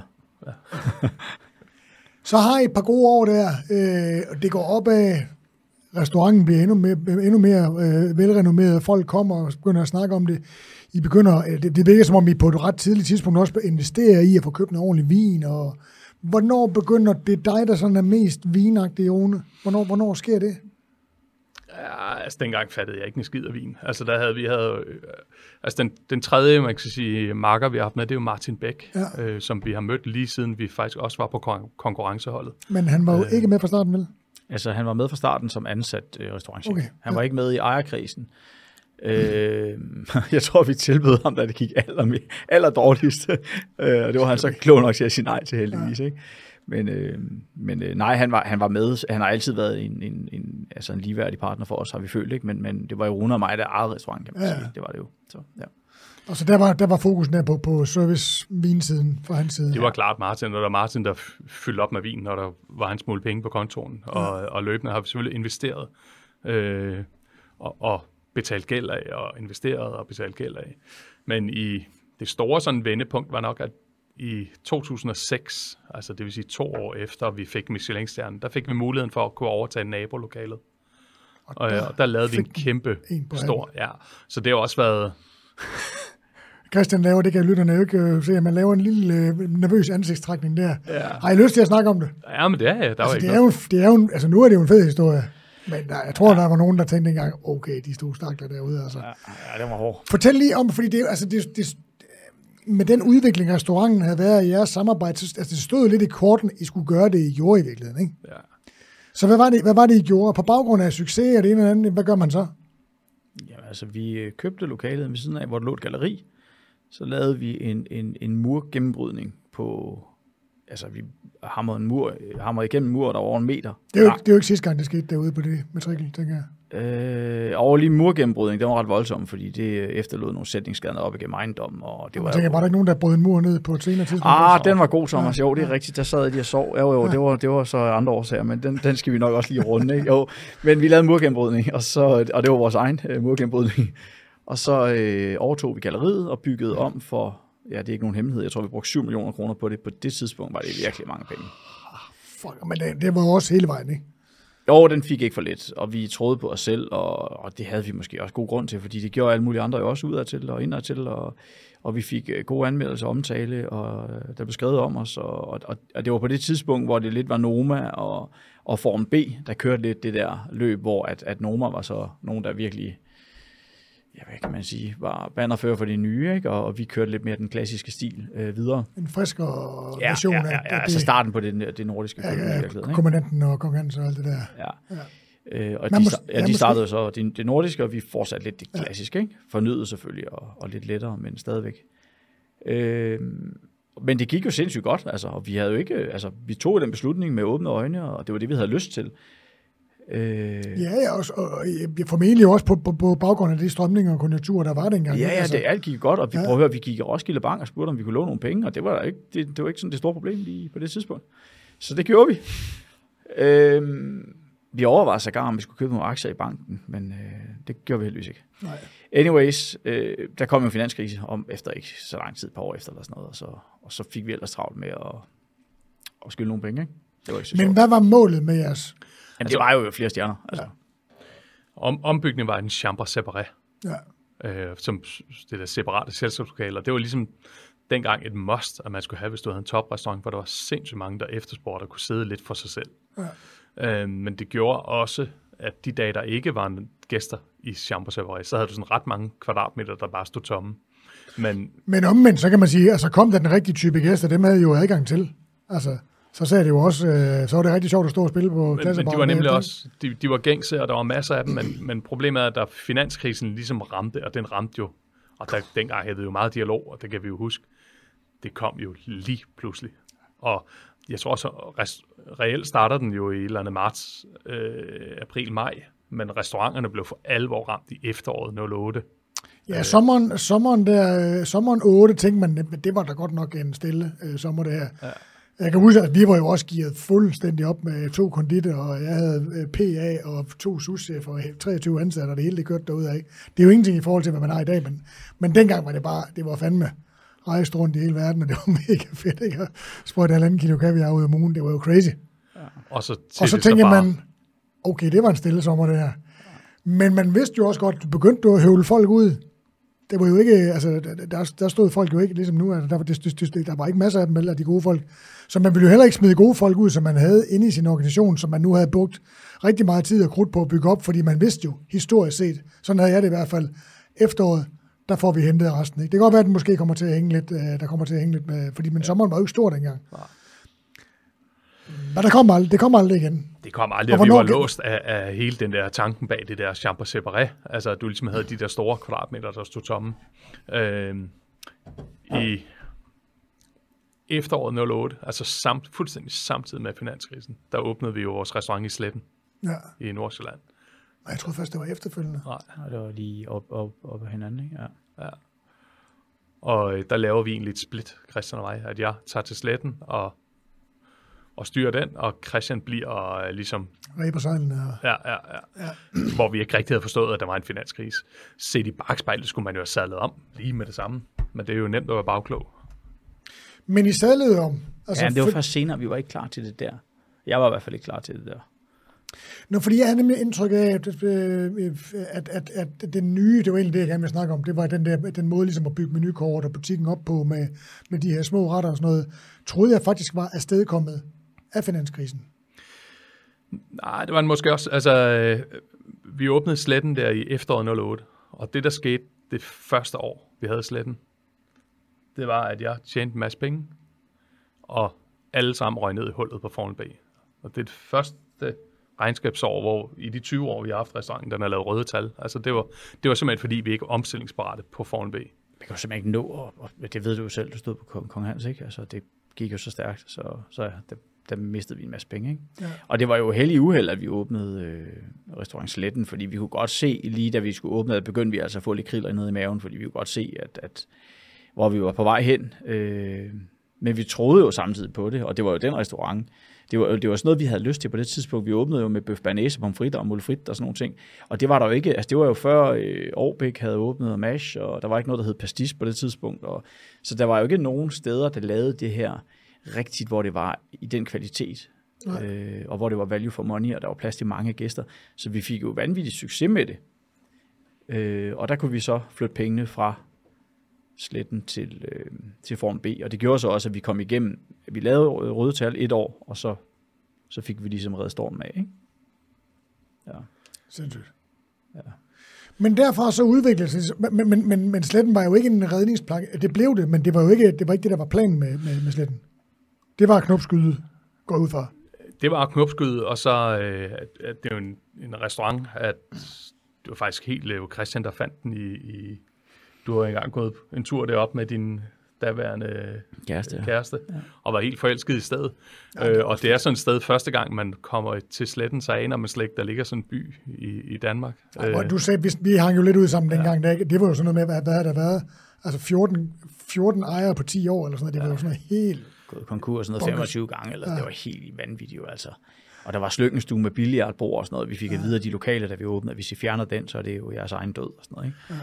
Men ja, det gjorde vi så alligevel. Ja, man skulle så være vibro ja, i fadelsanker, ikke? Ellers så var du færdig. Ja, ja. øh, ja, men jeg tror, at øh, hele tanken og, og, og det der med tempo og fart og sådan noget i sletten, det, det var ligesom det, der var med til at gøre, at vi kunne mærke, at det kunne, det kunne være noget at sadle om på Foran B. For den finanskrise, den varede jo lang tid. Det var jo ikke bare et halvt år. Altså, det var, det var et efterslæb på, ja. på i hvert fald to-tre år. Fordi at top, top, altså Michelin-restauranter, vi blev ligesom ramt på signalværdien. Der var masser, der havde råd til at gå ud og spise os. Ja, ja. Men, men det der med Nordea, 18 kunne være der i Danske Bank, bestyrelsesmøde, middag, det hang bare ikke sammen, samtidig med, at de, øh, de skulle opsige og spare og skære til. Ja, det begyndte jo også at få offentlighedens bevågenhed, hvor mange penge de brugte på at gå ud og spise, og så videre, og så videre. Ikke? Ja. Øh, ovenpå der skulle også findes nogle offer efter sådan en finanskrise, og hvor mange, hvem brugte pengene på de forkerte ting og alt det der. Så det blev hele det der signalværdi, hvor det tidligere ikke var et problem at gå ud og spise kaviar og fyre den af og drikke dyrvin.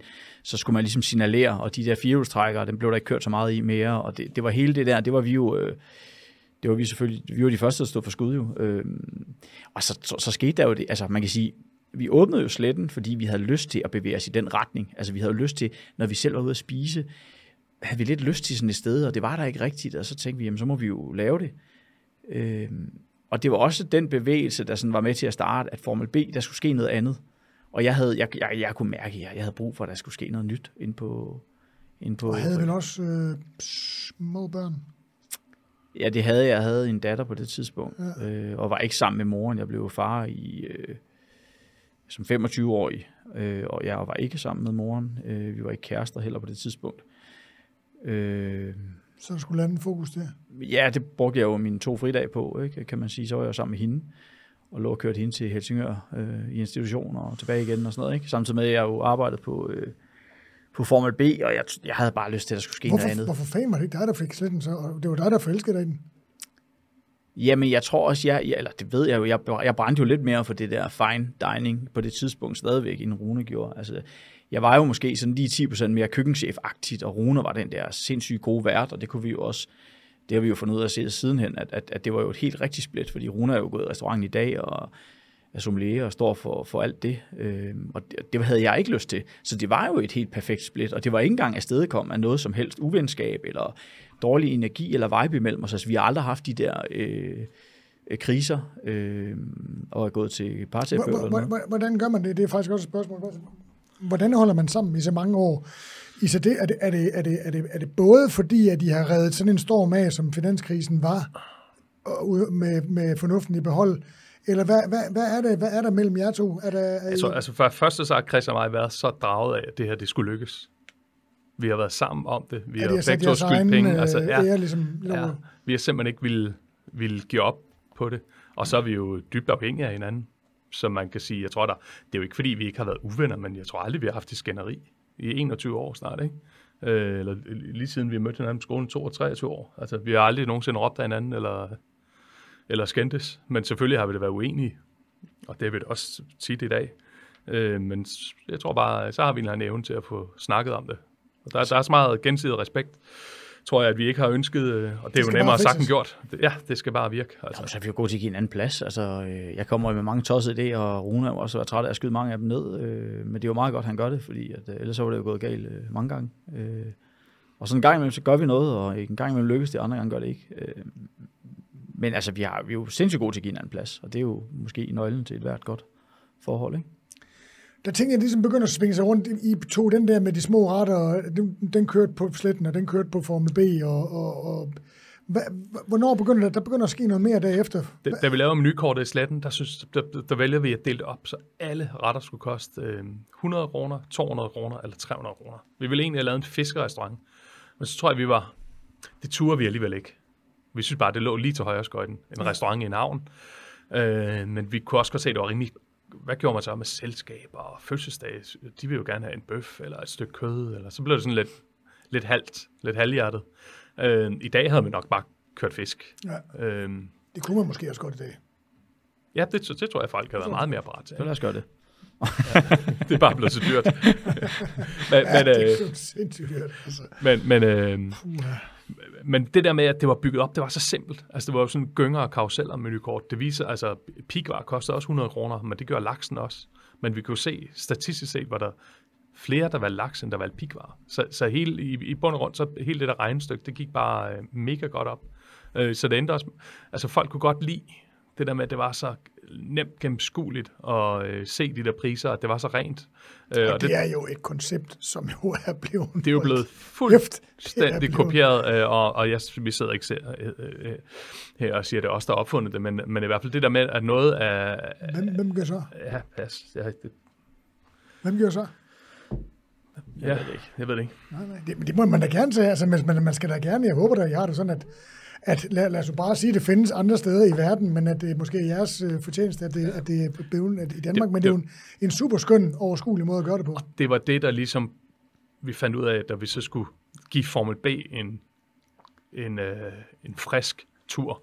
Øh, så hvad tog vi? 120 kroner 120 for kroner, ja, for alle retter. Øh, og der var et menukort med 20 forskellige retter, tror jeg. Det var... Og dagens, altså dagens retter, så altså, der var sådan dagens special, og og tavleretter og sådan noget. Altså, vi stod nogle gange og lavede op til i nærheden af 25 retter ude i det der køkken. Og der var, altså, der var mange dage, hvor jeg stod alene i køkkenet med fire kokkelever. Altså, og vi kørte over 100 gæster igen, og vi beholdt Michelin-stjernen. Altså, det var helt vanvittigt. Altså, både hvor hårdt vi egentlig arbejdede, hvor meget vi arbejdede, men, men også at det egentlig lykkedes. Altså, det var jo egentlig ret skrøbeligt fundament, men altså... Det, det ved jeg sgu ikke, fordi det er jo, det er jo næsten, det er jo sådan lidt, tror jeg, jeg har tænkt mange gange, det er jo sådan lidt, smørbrødskort-agtigt, ikke? Jo, altså, jo. Man, man, har, man har simpelthen delt op og lavet en masse ting, så folk kan få lige præcis det, de vil øh, have. Ja. De kan få det lynhurtigt. Folk kan sidde og blande ved bordet, uden der står en tjener og se helt, du ved, bare begynder bare at smelte, fordi man ved, at man kommer ud med den der bong ud i køkkenet, så er der bare karateslag og brændende kul i ansigtet og sådan noget, ikke? Ja. Alle er glade, og, og, og der er fart på og sådan noget. Jeg synes, at det... Det var i hvert fald ikke nemt. Altså, det Ej, var et koncept, der var svært at vende. Ja, og vi kørte, altså nogle dage, hvor vi kørte over 100 gæster, der var jo ikke noget menu det, vi ønskede jo ikke det der. Vi gjorde jo op med, at vi gad ikke at have menuer mere, vi var trætte af det. Præcis. Så det var kun à la carte, så vi havde jo ikke, vi havde jo ikke nogen af de nemme bord. Og det var jo ikke noget med, at der kunne godt sidde en 8 og bare bestille à la carte på dagen og sådan noget. Vi var jo meget sådan large omkring det, og jo jo, altså, bare kom. Ej, så det var, en, det var en, du havde i hvert fald to eller tre helt sindssyge år, øh, som jo så øh, afsted kom af, du havde en fantastisk sushi Frederik. Ja, øh, som, øh, som havde mod øh, på mere, og, og han var et helt sindssygt talent. Og øh, det er Frederik i dag, der er medejer af Restaurant Uformel, ja. sammen med Martin Bæk, som var stadig var restaurantchef ja. og, og den allerførste ansatte, vi havde. Så umage, uformel, undskyld. Uformel. Var ja, nummer tre. Selvfølgelig. Ja. Ja. Og hvis jeg lige skal knytte en kommentar til det, så det der jo i virkeligheden skete med Form B, det var jo, at vi ønskede at lave den her restaurant som skulle være helt uformel og, og mange retter, og det skulle være billigt. Og da vi så beholder stjernen, så sker der jo lidt det, at vi jo faktisk ikke 100% formår, vi, vi lykkes jo ikke helt med det, faktisk fordi vi jo beholder stjernen.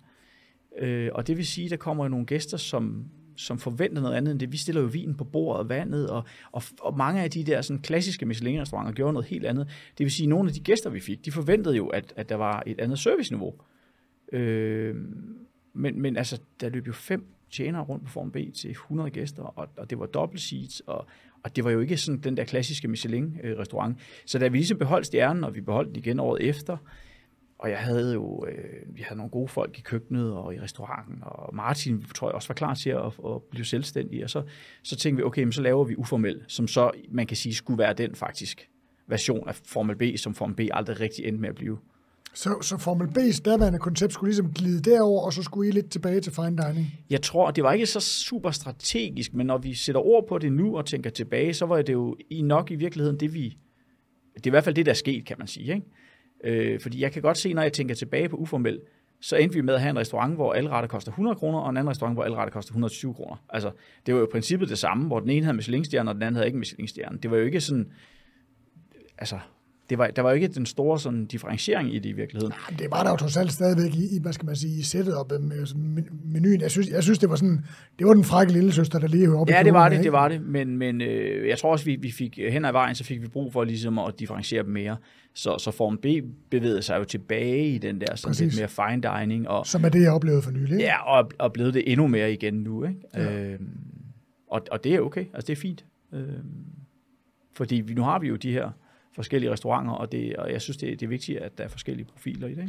Hvor meget, hvor meget bringer I jer selv? Nu nævnte jeg det der, at jeg var sådan lidt misundelig over det der med, fordi jeg har jo også tænkt på, ej, så kunne det være fedt at lave brasserieretter, og så kunne det være fedt at lave fiskerestaurant og alt det der. Jeg, jeg, jeg, altså, fordi når man, når man går med de der tanker, og er jo på en anden restaurant, så tænker man, hvorfor, hvorfor fanden gør de det sådan der? Nu skulle jeg, jeg kunne fandme godt tænke mig lige at vise, hvordan man, hvordan man gør det, ikke? Er, hvor, er, er, er, I den koncept, i den koncept, koncept, konceptuelle, øh, konceptuelt udviklende fase. Wow. Øhm, hvor meget er I på der? Altså, der er jo, der er jo en, en anden aktør med i alle... Altså, hvis, hvis Frederik er det første ligesom knopskud af den nye retning, kan man sige, ikke? Altså, øh, fordi sletten udsprang af noget andet, ikke? Altså, konceptet med nu, i dag er det fem restauranter, vi driver, og ja. så har vi en sommer pop-up. Og konceptet med alle vores restauranter er, at der er nogle af vores tidligere øh, ansatte, som har et partnerskab, ja. som har en bid af kagen. Og i alle restauranterne er det faktisk to. Øh, så de ligesom både har hånden på kogebladen, men også føler, at i det daglige er det deres restaurant. Og så øh, er det blevet sådan, at Christian og mig er meget, altså som i 90% med i opstartsfasen på, øh, hvad skal tingene koste, hvordan skal, skal det se ud, hvordan vil vi have det indrettet, øh, hvad skal vi servere, øh, øh, sådan helt, helt ned i detaljen, hvor at faktisk er uformelt var faktisk den eneste, hvor vi ikke sådan var helt nede og køre service og stå og lave mad. Og, altså, fordi at de to fyre, som er partner der, er nogen, altså Martin Bæk har været ansat i 20 år, ikke? Store øh, øh, og, øh, og Frederik, ja. havde du stået fuldstændig sideløbende med i det køkken? Ja, så, så skete der jo også helt det, det lavpraktiske, at, at Form B-køkkenet blev halveret, fordi den, anden, den ene halvdel tog på, på uformelt, så, så jeg kan huske, at vi sad og så talte om det. Det var planen, at jeg skulle ind og være med Frederik et par dage om ugen og være ryg, rygstøtte. Og sådan. Altså, jeg havde jo overhovedet ikke tid til det. Det var et fuldstændig urealistisk projekt, fordi altså, vi mistede så mange folk, så, så vi to, altså, eller jeg, du var jo så et andet sted, ikke? Men, men der skulle bare løbes endnu hurtigere. Øhm, men, men det gjorde der så. Men at det var, de havde heller ikke brug for os. De klarede det jo selv super, super øh, ja, godt. for pokker Så. Det er jo endnu et sted, man lige... Men parløbet er ligesom, øh, at vi starter op, så, så der er de der partnerskaber. Øhm, og uformel er vel en, det er vel første gang, vi egentlig sådan direkte har søgt en restaurant, hvor mange af de andre ting er ligesom sådan kommet lidt ja, til Vi gjorde det også med palægget i virkeligheden, ikke? Faktisk. Vi havde konceptet og fandt de øh, rigtige mennesker og tænkte sådan, okay, vi lader os lade åbne en, en frokostrestaurant. Øh, men er ellers det, så... Er det, er det den fjerde? Ja, den fjerde. Ja. Inden vi åbnede uformelt, der var vi nede og kigge på Krogs. Nå, ja. så fiskerestauranten spørger stadigvæk? Øh, nej, vi ville have lavet uformelt Krogs. Ja, var det med fisk? Det kan jeg ikke huske. Det var noget gammelt lort, kan jeg huske. Ja. Men, men med Palægade, var det, var det, øh, er det, er det, udspringer det en stor kærlighed til, til smørbrødskøkkenet, eller, eller var det et hul i markedet, eller hvad, hvad havde I folkene til det, eller hvad fanden? Mm, ja, måske, altså, ja, både, både det ene og det andet vil jeg sige. Altså, Rune og jeg elsker smørbrød. Jeg tror, hvis du spørger, hvad vores livret er, og vi ligesom skal sætte tema på, så smørbrød er nok et, et, et godt valg for os begge to. Det kan man jo da i hvert fald smage, når man er på. Ja, så, så det var noget, vi se. vi ville lave en smørbrødsrestaurant. Det ville vi gerne. Øhm, og øh, jeg ved ikke, om det var hul i markedet. Øh, det tror jeg ikke, vi tænkte så meget over. Jeg tror, bare, jeg tror egentlig, vi var ret bevidste om, hvis vi lavede en smørbrødsrestaurant, og vi lavede den bedste, så skulle der nok være kunder til det. Øhm, og, og der var nogle folk øh, ledige, kan man sige, som lige havde arbejdet på, øh, på Sjønmand, som var stoppet. Øh, og vi lod os sådan lidt fortælle, at de måske også gerne ville noget, og så videre. Så vi tog kontakt til dem og sagde, hvad kunne I tænke jer at hooke op i et partnerskab, og så gjorde vi det. Og det er jo faktisk første gang, vi har lavet et partnerskab med nogen, som vi egentlig ikke har arbejdet sammen med. Øh, så, så var vi i gang med... Øh, Men er det, er, det, er det også fordi, det er en stor kreativ... Selvfølgelig er det jo, øh, laver man jo tingene for at have en forretning, det er klart. Men er det også en, hvad skal man sige, en kreativ tilfredsstillelse og, og, og, og, og, og, og dele nogle tanker om et projekt, man synes er nu det smørbrød, man synes, det er mega fedt, at man ligesom har afsøgt det hele i den kreative fase. Ej, Jeg tror begge to, vi følte, at det var... At øh, det med smørbrød og smørbrødsrestaurant, det var ligesom også lidt støvet. Altså, der, det, vi er alle sammen, jeg tror, dem, der havde førertrøjen på dengang, var i hvert fald Schønemands. Ikke? Der, Ja. Det var det, vi alle sammen spiste. Hvis Præcis. du tog på Schønemands om mandagen, så sad der jo alle byens øh, køkkenchefer og spiste Ja. frokost, fordi der var alle restauranterne lukket. Øhm, og øh, jeg tror også, vi følte, det var sådan et, et sted, hvor man godt kunne støve lidt af. Ja. Lige gøre sig lidt mere umage med de... Altså, øh, Altså, man kan sige, Åmans har jo vist vejen, synes jeg jo. Helt Altså, klart. Absolut, altså. jeg sidder og tænker på ham. Men, men, men, men jeg tror også, vi var meget bevidste om, at det var ikke det, vi ville lave. Altså, der var ikke noget forkert i det. Men Åmand revolutionerede det lidt på en anden måde, hvor han lavede sådan, hvad kan man sige, mere moderne smørbrød. Øh, og, og vi, Ja, vi, de stak vi, jo et spadestik dybere Ja. ja. i, og, og, og, fordi at der er jo mange gode smørbrødsrestauranter. Der er ikke særlig mange, der er innovative, og dem, der er innovative, der er jo mange, der ikke lykkes med at være innovative. Det må Altså, man sige. Det, det, er jo ikke, det er jo ikke, det er jo ikke et, et, et, nej, et, et, et succeskriterie i sig selv. overhovedet ikke. Og, Men jeg tror mere, at han gik tilbage og sagde, prøv hvor, det kan jo ikke passe, man skal, være. Dam, man skal være øh, Danmarks bedste smørbrødsrestaurant, og så står man ude i Ingo og køber sit rugbrød. Altså, den, det, så det, det, sådan kører det jo ikke. Og det har vi jo til fælles med ham, kan man sige. Ja. Ja. Det var, at vi ønskede at løfte baren, men vi ønskede at gøre det i primært sådan den, den, sådan det klassiske segment. Øh, uden at gå på kompromis og selv lave det hele, og selv, du ved, ja, bage rugbrødet og bage leverpostejen og syldsildene, og, og, og, og det, det, var der jo ikke sådan, jeg ved ikke om Åmans gjorde det jo formodentlig nok, men, men, men ellers så var det jo stadigvæk, der var tradition for, at man købte den der marinerede sild, og så lavede man godt nok sin egen kajelager, og så lagde man den over i den. Og det tror jeg, eller det ved jeg, det synes vi jo var for let købt. Altså vi følte jo, at vi skulle et spadestik dybere. Øhm, så derfor åbnede vi jo også øh, Palægade. Ja. Ja. Og tusind tak for det. Jamen, velkommen. Et fortrinligt sted. Hvor, hvor mange har vi så? Har vi, har vi, øh, ja, så er der jo kommet selskabs... Ja, der kommer selskabsskatte på, det er rigtigt. Det var afstedkommet af finanskrisen, fordi at øh, der kunne vi jo se, at vi blev nødt til at rykke ud til folk. Og så det faktisk så skete der det, at der, man kunne- Corona. Hvad sagde jeg? Finanskrisen? Ja. Jeg mener corona. Ja. Jeg mener corona, selvfølgelig gør det. Øh, der skete faktisk det, at vi søgte nogle puljer, øh, sådan omstillingspuljer, fordi man ligesom kunne i restaurationsbranchen stå på flere ben.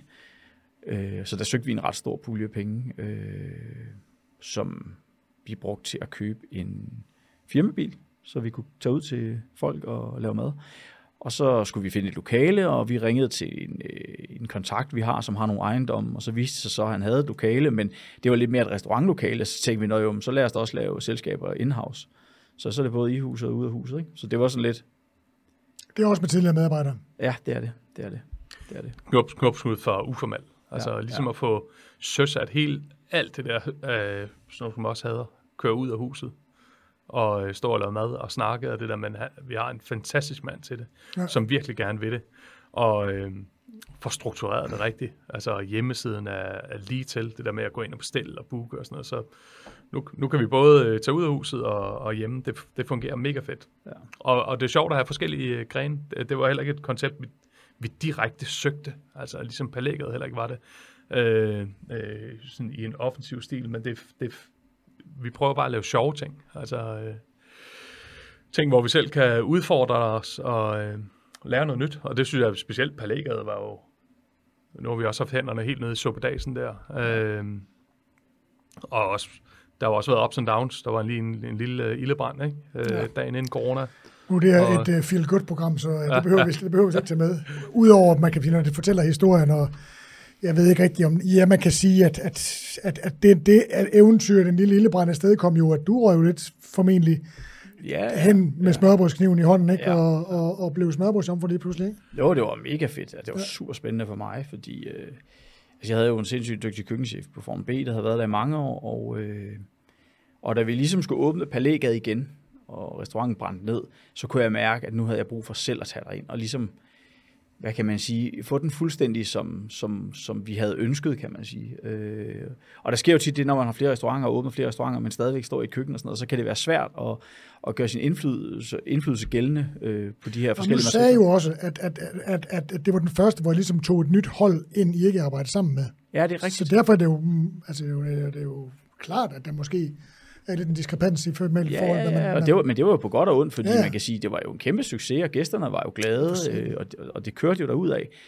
Øh, så det var jo også en, altså jeg skulle jo virkelig bevise noget, fordi at, at, at vi var jo op imod en, en fortid, øh, som var en, en, en, en kæmpe succes, og jeg tror også dengang, der var, eller det ved jeg, der var Palægade jo også måske anerkendt som værende den, eller i hvert fald blandt de allerbedste øh, frokostrestauranter i byen. Og det skulle jeg jo ligesom op imod en gang til øh, med min egen restaurant, anden gang. Så, så det krævede jo virkelig, at jeg øh, lagde mig i selen, og det var super spændende. Øh, Så relativt, hvad kan man sige, sent i sin karriere i anførselstegn, og skulle gøre noget helt andet. ja.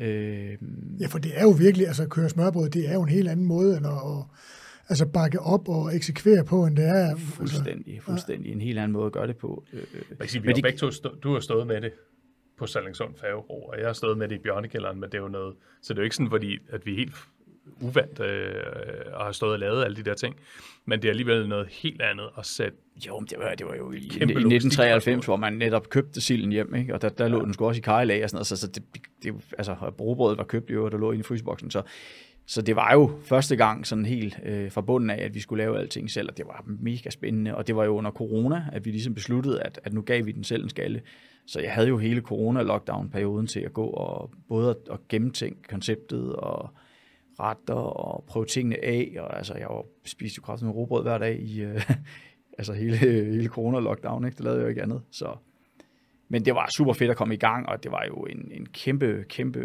lettelse, da vi også oplevede godt, at vi blev taget imod. Ikke? Og succesen i dag er jo mindst lige så stor som, som før. Har, har I med fingrene nede i smørbrødstruet der? Altså, er, altså det var altid, Søren Frank sagde til mig, jeg, jeg kan faktisk ikke huske, om det var, da vi var, var vi ikke med ham på øh, vores øh, sherrytur? Det er også lige meget, men han sagde til mig på et tidspunkt, Søren Frank, hvis, man, altså, hvis danske, hvis danske kokker og danskerne var klar over, hvor, hvor, hvor, hvor, hvor vild udlandske anmeldere er med smørbrød i Danmark, som en meget, meget særlig speciel ting, så, så, så, så, vil, så vil de gøre meget mere ved det, og det er jo så sket efterfølgende, ja, ja. det er afsted kommet af ham, det ved jeg ikke, men, men, øh, men, men, men det ville være, aldrig være sket, uden kokkene ligesom også havde stukket fingrene ned i smørbrød, tænker jeg. Nej, det tror jeg, du er fuldstændig ret i. Men det, der var jo også, der skulle virkelig støves af. Ja. Altså, det var jo, øh, selv hvis du tog på de allerfineste smørbrødsrestauranter, så er det jo det tavligste øl, der blev serveret. Det er altså, øh, de, de kedeligste gængse øh, spiritusprodukter, du kan købe i et hvert supermarked og sådan noget. Der, ja. der var ligesom ikke gået et spadestykke dybere med lige at finde nogle spændende ting på nogle små bryggerier. Øh, og det samme med maden. Altså, der blev købt gode råvarer, men der blev ligesom ikke sådan... Det mangler lige de sidste 20 procent. De blev aldrig fuldt til dørs. Nej, Det er også det. Så om du laver... Øh, det er jo lidt- så, så, dem der, mange af dem, der gjorde sig ek- ekstra umage, så købte de måske den bedste færdiglavede sild, eller de købte den bedste færdiglavede rullepølse. Altså, og, og, det var jo ikke, altså, det var bare ikke godt nok, synes vi. Så tror jeg, det er, så er virkelig, det er så fedt at være på en restaurant, som kan samle hele familien. Og det er jo det, smørbrød kan. Selvom at Palægade er en smørbrødsrestaurant i den øh, højere prisend inden for sin kategori, og det skal det være, når man bruger de råvarer, vi gør, og man sidder på rigtig stole, og der var en designer til at indrette restauranten, så prøver vi, at det ikke skal være fisfornemt eller øh, for fint. Øh, for det er jo en restaurant, du kan sidde med gamle nisser, bedsteforældre, øh, børn, børnebørn. Altså du kan, du kan komme der hele familien, og alle kan få noget at spise.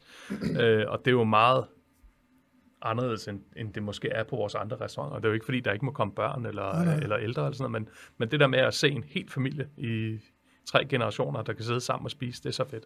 Ja, og, og har den samme referenceramme til det, fordi de, altså, de har jo alle sammen en, en robotsmad inde i Alle deres... kan lide det, Ja. Altså, ja. Jeg kan også huske, da jeg var sådan en hardcore stenaldermand, det var fanden dans med hårdt og skulle gå på smørbrødsrestaurant og sige, jeg tager den lige uden robrød, fordi jeg elsker robrød. Altså robrød smager godt. Ja. Altså, Ja, det gør det. Øh, og lad os lade være med at snakke om de øh, helbredsmæssige udfordringer, der kan være ved robrød. Nu skal jeg lige passe på, hvad jeg siger i det her land.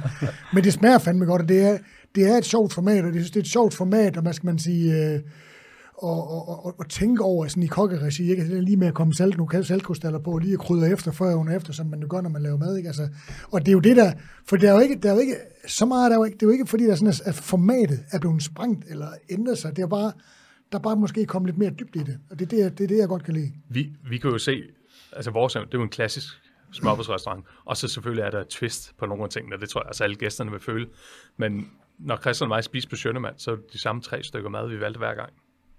Altså, det var ligesom og de var jo sådan da øh, relativt, øh, relativt elaboreret øh, smørbrødskøkken, ikke? Jo, jo, meget. Men, men det er bare fordi, at når man har lyst til smørbrød, så er det så var det den der rødspytte remo, og det var en... Øh... Ja, det var bare ikke så meget avocadomaden eller sådan. Det, det, altså, nu har jeg jo spist et par stykker af dem her til frokost, så det var ikke fordi, der er noget galt i det. Men, men, men det, på en eller anden måde, når man har en smørbrødsrestaurant, vi kunne se, det var det, vi havde lyst til. Det var jo roastbeefen og med hjemmelavet ristet løg. Og, altså. Jamen, jeg har, jeg, har lidt på begge, jeg har lidt på begge måder, fordi jeg godt lide de, de klassiske stykker, men jeg, jeg har det også sådan lidt... Altså, nu, nu, det kan jeg jo godt sige, at vi har jo nogle fælles bekendte øh, kunder, kan vi godt kalde dem, ikke? lidt i forskellige regi.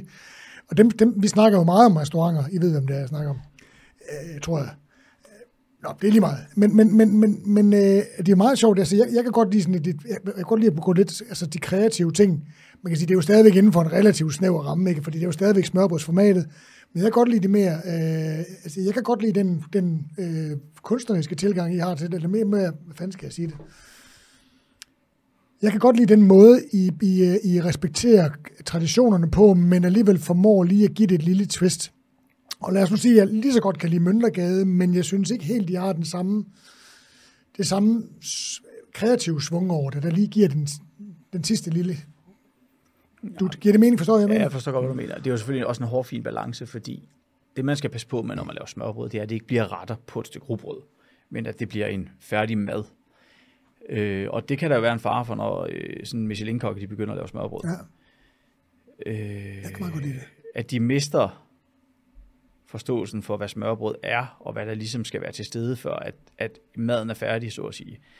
Nu har vi jo på øh, palægget i dag, køkkenchefen er jo, har jo en fortid på, øh, på Form B, har stået der et par år som souschef. Øh, så der har jo været en eller anden risiko for, at det kunne gå galt. Altså at slippe sådan en Michelin-kok løs i et smørbrødskøkken. Det, det, det, altså. Men I har, har I nogen smørbrødsjomfru smørbrødsjomfru? Uh, nej, det har vi ikke. Der er okay. kun kokke. Øhm, og det er et hold. Det vil sige, at dem, der laver smørbrød til frokost, det er også dem, der laver vores øh, koncept om aftenen og laver maden om aftenen. Og det har været et ønske helt fra starten af. Fordi tidligere på, øh, Palægger, der var det sådan, at vi havde smørbrødsjomfruer til frokost, og så havde vi kokke om aftenen. Og det blev meget to koncepter under et hus, og det, og der, der var en masse ting. Det jeg gerne vil ind på. Igen, uden ja. at sige, at det ene er dårligere end det andet, for det, det, det, det, det, der min, det er ikke det, der er min pointe. Min pointe, det er bare, at det er sjovt at se smørbrødsjomfruen og kokken, der arbejder sammen, og så kokken, der prøver at finde ud af, hvordan man kan gøre smørbrødsjomfruens arbejde, arbejde lidt bedre. Ja. Så generer jeg ikke nogen, jeg siger det på den måde, for det, det er slet ikke min hensigt. Det er bare det er to forskellige, for mig er det to meget forskellige ting. Ja, det er det. Det er det. Øh... Jeg, jeg tror bedst, jeg kan lige kokke, kokke Ja, men det kan jeg jo også, men det er også fordi, der er så meget mere, der, altså, der, det, at du kommer jo et, et lag dybere ned i din uddannelse. Altså, øh, du får jo ligesom det sidste med, kan man sige. Ja. Men, men, men man kan sige... Som jeg snakkede med Adam Oman, Adam Oman, da han var gæst her, der var fandme ikke nogen, da vi stod helt back in the days, der til nærmest overvejede at lave smørbrød. Nej, nej, slet ikke. Altså, man sagde bare... Ja, ja, det er rigtigt. Det er rigtigt. Og jeg så tit og tænkte på, hvad fanden kan vi bruge Kong Hans til? Som, øh, som kokkelev, det var ikke... Man jublede ikke, når man kommer over på det parti. Det var, og vi er begravet på fredag, I skal lave tre snitter. Men altså, man kan sige, nu er vi jo også øh, de første, der lavede det der mix mellem, mellem en klassisk frokostrestaurant, og så sådan mere sådan en, jamen det er jo svært at, altså fordi Palægade er jo om aftenen, det er jo, det er jo mere sådan en, en, en sådan klassisk dansk-fransk restaurant, øh, som jo ikke har meget til fælles med vores frokostkoncept.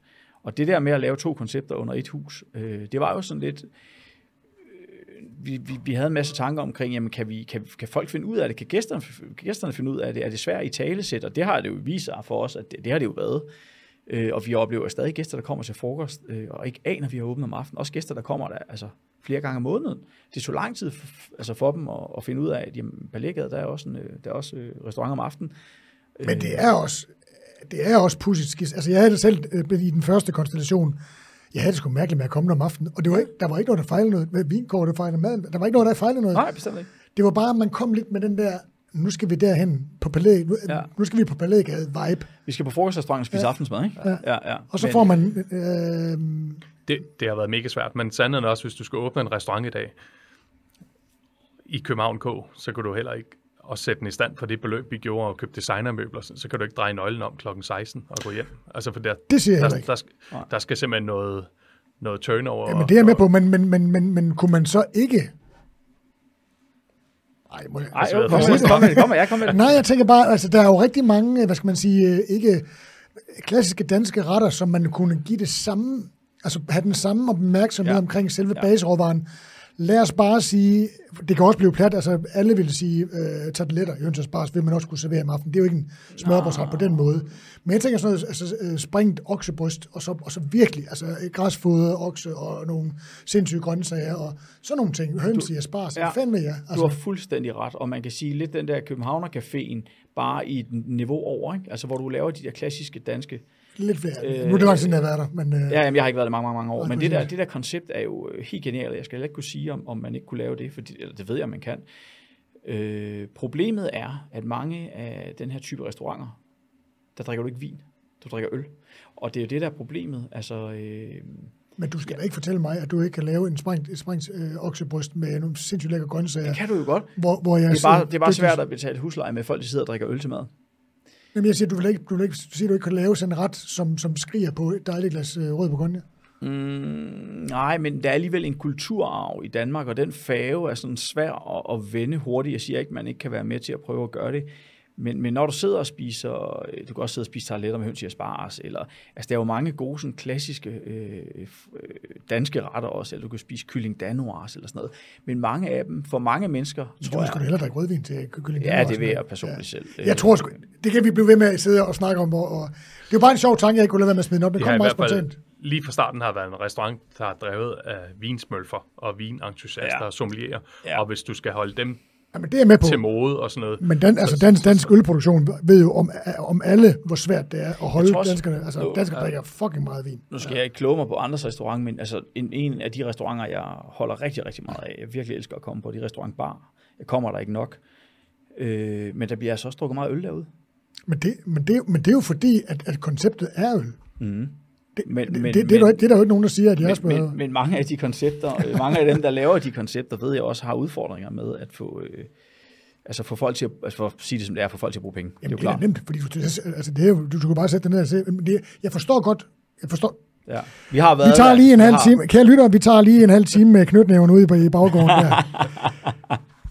Personalproblemer, de hænger jo, de hæver vores branche, som intet andet har hævet, hævet den før. Det skulle lige være nogle finanskrise. Og I må da have, altså et af, nu er der jo nogen, der er jo nogen, hvad skal man sige, flere restaurantsejere, der er lidt større end jer, men, altså, men det kræver et, et ordentligt sæt nosser øh, at have flere restauranter i sådan en tid som den her. Jeg tænker, at nogle gange må det være rigtig svært om morgenen lige at bestemme, hvornår man skal sætte sin telefon på oven, øh, for bare, og så vælte der bare sådan en, en tsunami af sms'er med folk melder sig syge, og øh, ikke kommer mere, og det ene eller andet. Hvordan, øh, hvordan gør I det, og hvordan, hvordan øh, jeg, jeg formoder, når jeg besøger restauranter, at det at virker det ikke som et problem. Det kan være, det er det. Det Men- men- allerførste, man gør, det er at sørge for, at det ikke er os, der lige har den. Så man melder sig syg til de andre. Okay, ja tak. Øhm, så er man i hvert fald ud over den første hurdle. Fordi der har vi været. Det er simpelthen så nederen, og det, man slipper ikke ud af det. Det er for hårdt. Men i dag er vi 140 ansatte, øh, fordelt over de fem restauranter, vi har fast, og den sommer pop-up. Så selvfølgelig er der jo folk, der er syge hver evig eneste dag. Øhm, og jeg tror, at vi har været i samme bog, som mange andre restauratører har været siden, i hvert fald siden corona for alvor, øh, at der kom genåbning. Øh, og allerførst sagde man, det var fordi, at alle tjenerne var ude at være lege poder. Mm. Øh, det tror jeg, at vi har ikke haft nogen ansatte, der var ude at pode. De alle sammen også i øvrigt fået løn under hele lockdown. Men, øh, men det allerførste, man kan gøre, hvis man skal holde på folk, det er jo at opføre sig ordentligt og behandle de ansatte pænt, og som man selv har lyst til at blive behandlet. Og har I gjort det, på trods af, at øh, Christian jo sagde, at han var lidt, øh, måske var en, lige... en hård banan. lidt udfarende. Øh, jeg, t- vi har jo udviklet os med tiden. Jeg synes generelt, så, øh, så har der ikke sådan sindssygt mange, hvis jeg tænker tilbage, hvor jeg ville have gjort noget meget anderledes. Øh, men det har helt sikkert været de første år, øh, hvor vi har drevet restaurant, hvor vi har været sådan nogle unge, ambitiøse banditter, øh, har vi da gjort ting, at hvis man hørte nogle af de ting, vi har sagt eller gjort i dag, så vil man ja. blive helt flov og pinlig og undskyld til dem, øh, hvis der er nogen, der lytter med, øh, som var en del af det. Øh, men generelt synes jeg, at vi har opført os pænt, og vildt mange af dem, vi har under vingerne, har været hos os i rigtig mange år. Ja, vi snakker jo 20 år nu, ikke? Som ja. jeg lige kan se, hvis der står 200, 2003 på øh, papiret der, og jeg ja. ved, der står næsten 2023 i kalenderen, ikke? Fem restauranter. Så ja. der, altså, I må jo have skabt et eller andet, der gør, at folk bliver hængende, eftersom restauranterne så også er befolket med os tidligere. Man kan sige, det der er sket siden corona, det, er, der, det har faktisk været lørdag, seks dage om ugen. Der har været mega, mega travlt. Altså, der har ikke været forskel på bestillingsbogen, om det var mandag, tirsdag og onsdag. Der har bare været fuld smæk på, og det er jo ligget, når man har prøvet at være lukket ned og ikke have omsætning, hele den der triste periode, og også tabt en masse penge, så var vi jo simpelthen så stålsat på, at man skulle tjene noget af det tabte hjem. Og øh, så vi har været for få hænder til at løfte den kæmpe opgave med at have fem restauranter, der har fuld hus hver dag. Det er jo, det er jo umuligt. Øh, så vi har også været nødt til at justere i, for eksempel vores restaurant i Sletten har vi haft mega svært ved at lige at få den der sidste kok, som gjorde, at man kunne åbne om mandagen hele sommeren. Og, hvor øh, pengene er tjene, ikke? Altså, det, ja, ja. Og, og, og Formel B har, og kunne vi jo også godt have haft brugt det på kokkelever og en kok mere, og måske en tjener. Og sådan, så. Måtte lukke det, reservationsbogen nogle dage, og sådan, fordi folk simpelthen ikke går på kompromis med, med kvaliteten. Og, og det, det er jo nødvendigt. Altså, det bliver man jo nødt til at være iskold og gøre, hvis ikke man føler, man kan, man kan levere, levere standarden og niveauet, men, øh, men det er da super ærgerligt, og det er jo fordi, vi mangler personale, og det har vi jo selvfølgelig været offer for, ligesom hele branchen har været. Men prøv at tænke, jeg har jo været en del, altså, hvor, hvor, der, hvor man, man var nødt til at lukke en gang imellem, fordi der ikke var nogen gæster. Ja, ja, ja. Nu står man og må lukke, fordi der ikke er noget personale. Og det er jo super ærgerligt, ja. og de laver hængende frugter, og det er jo nu, vi, og det, vi har prøvet finanskrisen, vi ved jo, at det er nu, vi skal lægge på lager til, til de, de kolde vinter, ikke? Ja. som jo måske, hvem ved, lurer under hjørnet. Ikke? Øh, og det er super ærgerligt, men altså, prøv, vi kan ikke gøre så meget ved det, vi har gjort det så godt, vi nu kunne, og og vi jo, øh, jeg tror, vi er privilegeret i forhold til mange andre. Altså når jeg hører ude i, ude i byen, at øh, hvad folk har udfordringer med, med personale og sådan noget, så, så kan jeg da godt se, at okay, vi har det egentlig okay, øh, trods alt. Altså selvfølgelig mangler vi en kok og en tjener her og der, og sådan, men, men, men det kunne være værre. Det kunne være værre. Og så har vi jo selv knoklet. Vi er jo, på trods af, at vi har været i gang alle de år, jeg render stadig rundt og leger tjener, og Christian øh, står stadig og laver mad i køkkenet. Øh, det tror jeg ikke, der er så mange af, af vores øh, restauratørkolleger, der stadig gør. Øh, ja, Nej, men jo, det er der jo nok. men, altså, men, men der er jo stadigvæk også, altså, der er jo også en anden generation, altså, hvad kan man sige, igen, de der post-finanskrise, øh, øh, køkkenchefer, det lød meget negativt, men meget negativt det var jeg faktisk ikke men Det, det, det var bare en anden tid. I er jo fra den tid, hvor man, hvor man selv stod på partiet og lavede ting. Lavede mad og skrev ja. ud. Altså, nu kan man jo også, det er jo ikke nødvendigvis en succes, fordi vi selv står der. Man kan sige, at der er også, det er jo sådan mere sådan en ledelsesstrukturel beslutning om, om, om, om det er rigtig ledelse, at hvis du har en virksomhed med 140 ansatte, om du selv står i køkkenet, øh, der kan man jo også argumentere for, at det er måske dårlig ledelse i virkeligheden. Ikke? Altså, det kommer jo an på, hvilken tilgang du har til, til forretningerne, men, men, øh, men altså, det er jo jeg slap jo det der med at være køkkenchef, altså jeg sådan, du ved, bestille varer og lave vagtplan, og det der med, at de ikke skal ringe til mig og melde sig syg og sådan noget, det, det slap jeg jo for, for nogle år siden efterhånden, ikke? fordi at det, det kan man bare ikke med, med, med så meget. Øh, altså Nå, men strukturen er vel også, at, at, at der er en infrastruktur i hele jeres organisation, der gør, at, at, at, at, at I ikke be, I skal ikke ned og, og, og tjekke ting og Ja, det skal helst være sådan, at, at vi ikke behøver agtigt øh, at stå og køre service og være der, ikke? fordi det, det, det, det, det er vi efterhånden blevet lidt for store til, synes jeg. Øh, det kan vi jo se, det fungerer ikke. Øh, altså, det nytter jo ikke noget, at, at, at de ringer til Rune og melder sig syg, og han skal køre på, på arbejde. Det, det, det, det fungerer bare ikke. Altså, det har vi prøvet i alt for mange år. Ikke? Ja, det må de selv lidt fikse, ikke? Øh, men når det så er sagt, så elsker vi jo at være ude på restauranterne. Altså det er jo det, vi er drevet af, og man kan sige, når vi åbner et nyt sted, det har også været kendetegnet her, de sidste par projekter, vi har lavet, både Lille B øh, og i Odsad, der er jeg jo taget op og stået der hver eneste dag. Øh, Som vi jo kan snakke om. Den første periode, og, og, og Palægade var det jo igen, det var jo hver evig, evig eneste dag sammen med køkkenchefen, som også bare gav den skalle, ja, det gjorde hele holdet jo der, og løftede i flok. Øh, og jeg havde heller ikke lyst til andet. Altså, og det var også bare, det var blevet klider derhjemme, og min kone vidste det også udmærket. Og jeg sagde ligesom, okay, prøv at høre, nu tager jeg tre måneder, hvor at I kommer bare ikke til at se mig. Og, øh, og der blev forventningsafstemt, og det var, det var sådan, det var. Og det var, det var altså, alle rundt om bordet var ligesom indstillet på, at det var sådan, det skulle være. Men så skal man også kunne slippe det igen. Og det er jo kunsten.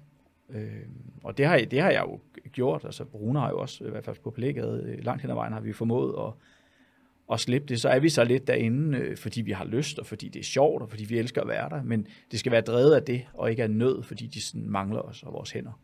Så det er jo balancen, at finde den balance. Fedt. Skal vi lige vende uh, Lille Ro, det sidste projekt, inden uh, jeg kan se, du, sidder, du vil rigtig gerne sige noget, Rune. Så kan Christian jo passende sidde og tænke på den her lille bombe, jeg lige smed op, når, når man har kendt hinanden i så mange år. øh, jeg kender hinanden længe, men arbejder sammen, i hvert fald om jeres øh, Formel B og, og stifte jeres Formel B-familie, så må man jo have en lille røverhistorie om den anden. Og hvis man nu kunne få mulighed for på en god, kærlig, venskabelig øh, måde lige at smide den anden under bussen, så kunne man da måske gøre det i programmet her, hvor der sidder en enkelt lille øh, kokkepas derude og griner af det. Så mens du fortæller lidt om, om, øh, om øh, Lille Ro, og du må gerne øh, supplere selvfølgelig, Christian, så kan Christian jo lige sidde og måske have lidt fokus på at, at finde en eller anden sindssyg historie om, øh, om, øh, om Rune. Lille Ro har været et mega sjovt projekt. Det er en, en, øh, en hotel campingplads, der øh, ligger på en strand i Odsherred. Meget, meget idyllisk. Glamping, ikke? Ja, det må man ikke kalde det, så bliver man rappet over nallerne, men jo, så det, Hvorfor det er det. Øh, Det er en længere historie. Det, men campingpladsen, hotellet, hvor man sover i telte, er drevet af Lille Ro. Ja, Lille Ro har haft en restaurant. Det ligger helt nede på en strand. Øh, og Pisse. den restaurant ligger i et telt.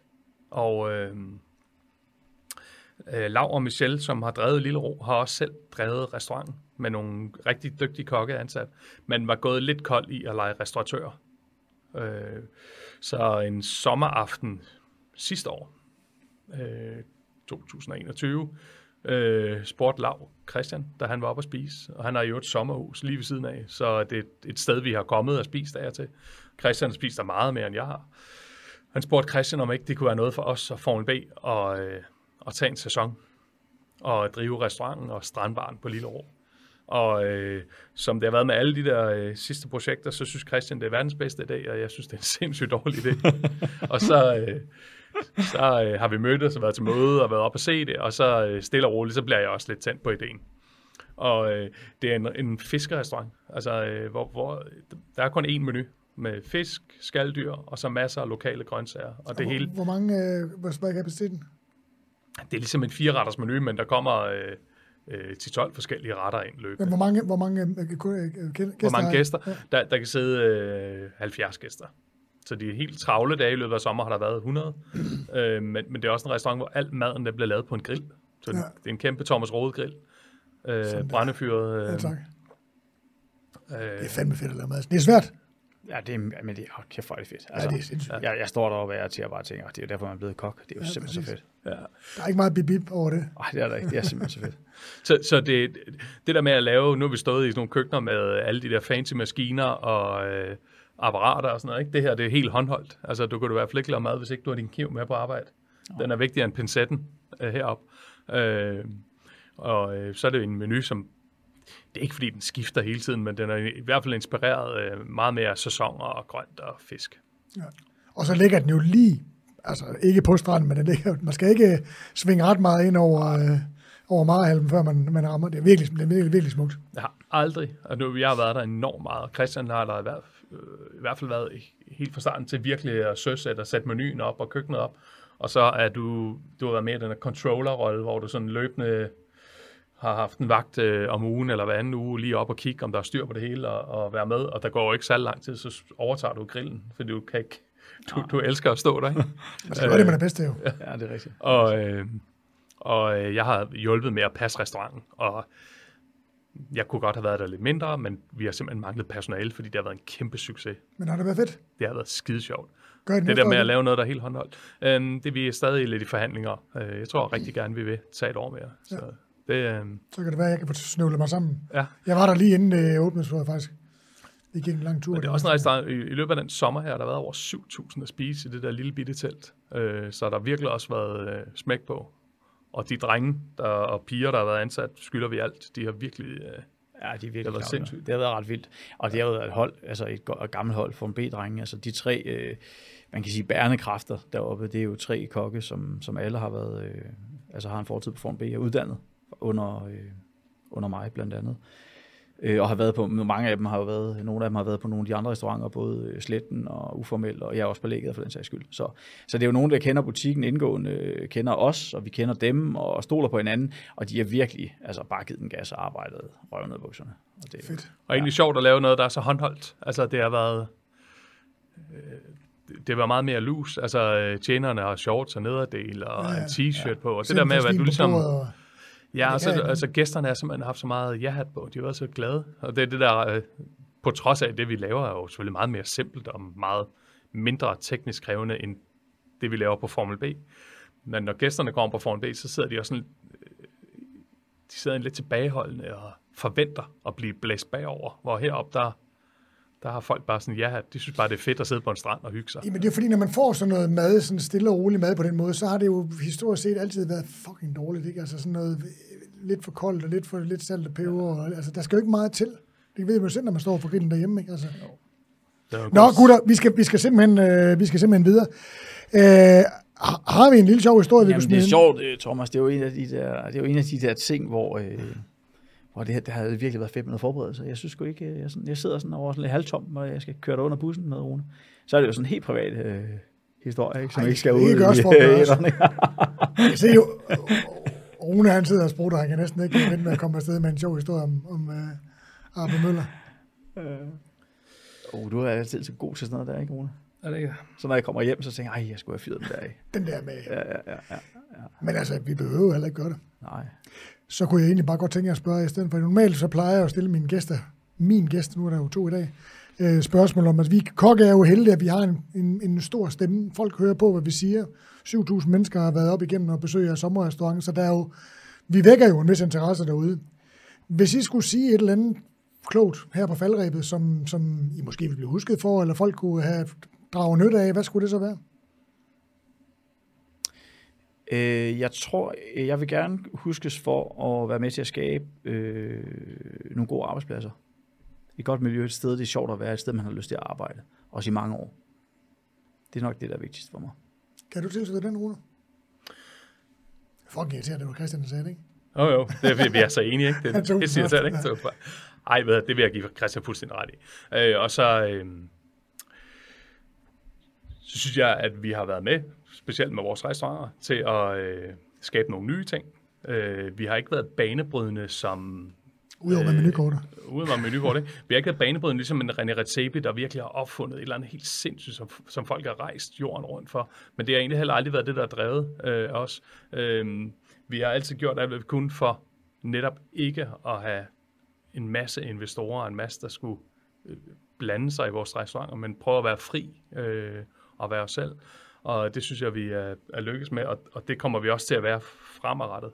Der skal vi ikke være sovset ind i en masse projekter, hvor andre skal være herre over, hvad vi kan lave. Fedt.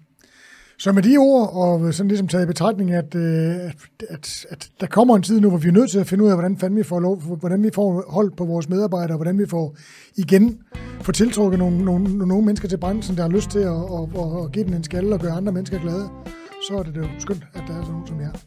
Tusind tak, fordi I gad at komme forbi, og gik to timer ikke hurtigt? Jo, hvis der er gået to timer, så gik det stærkt. Det er det. Og øh, endnu en gang tusind tak til øh, alle jer, der sidder derude og øh, lytter med på det her gram, øh, program. Det er jo skønt, at jeg kan få lov til at blive ved med at sidde på min flade røv og få lidt, øh, lidt smør på brødet øh, den vej rundt. Så øh, tusind tak til alle jer lytter. Havde det ikke været for jer, så havde vi jo ikke siddet og haft den her hyggelige snak. Tak fra Kong Kong Studio. Og Gastrotools.dk og de dygtige, unge, passionerede og drevne køkkengræspusher, der står bag brandet, har endnu en gang sikret, at denne sæson af Kok og Kok imellem kan nå ud til jer, der sidder og lytter med. Husk, at GastroTools er andet end bare lækre italiensk producerede pander fremstillet i kulstofstål, men også stegepander, plader i to størrelser. Pincetter, læderforklæder, skærebrætter og ikke mindst deres lækre serie dansk designede knive af japansk stål. Og giv dem gerne besøg på gastrotools.dk.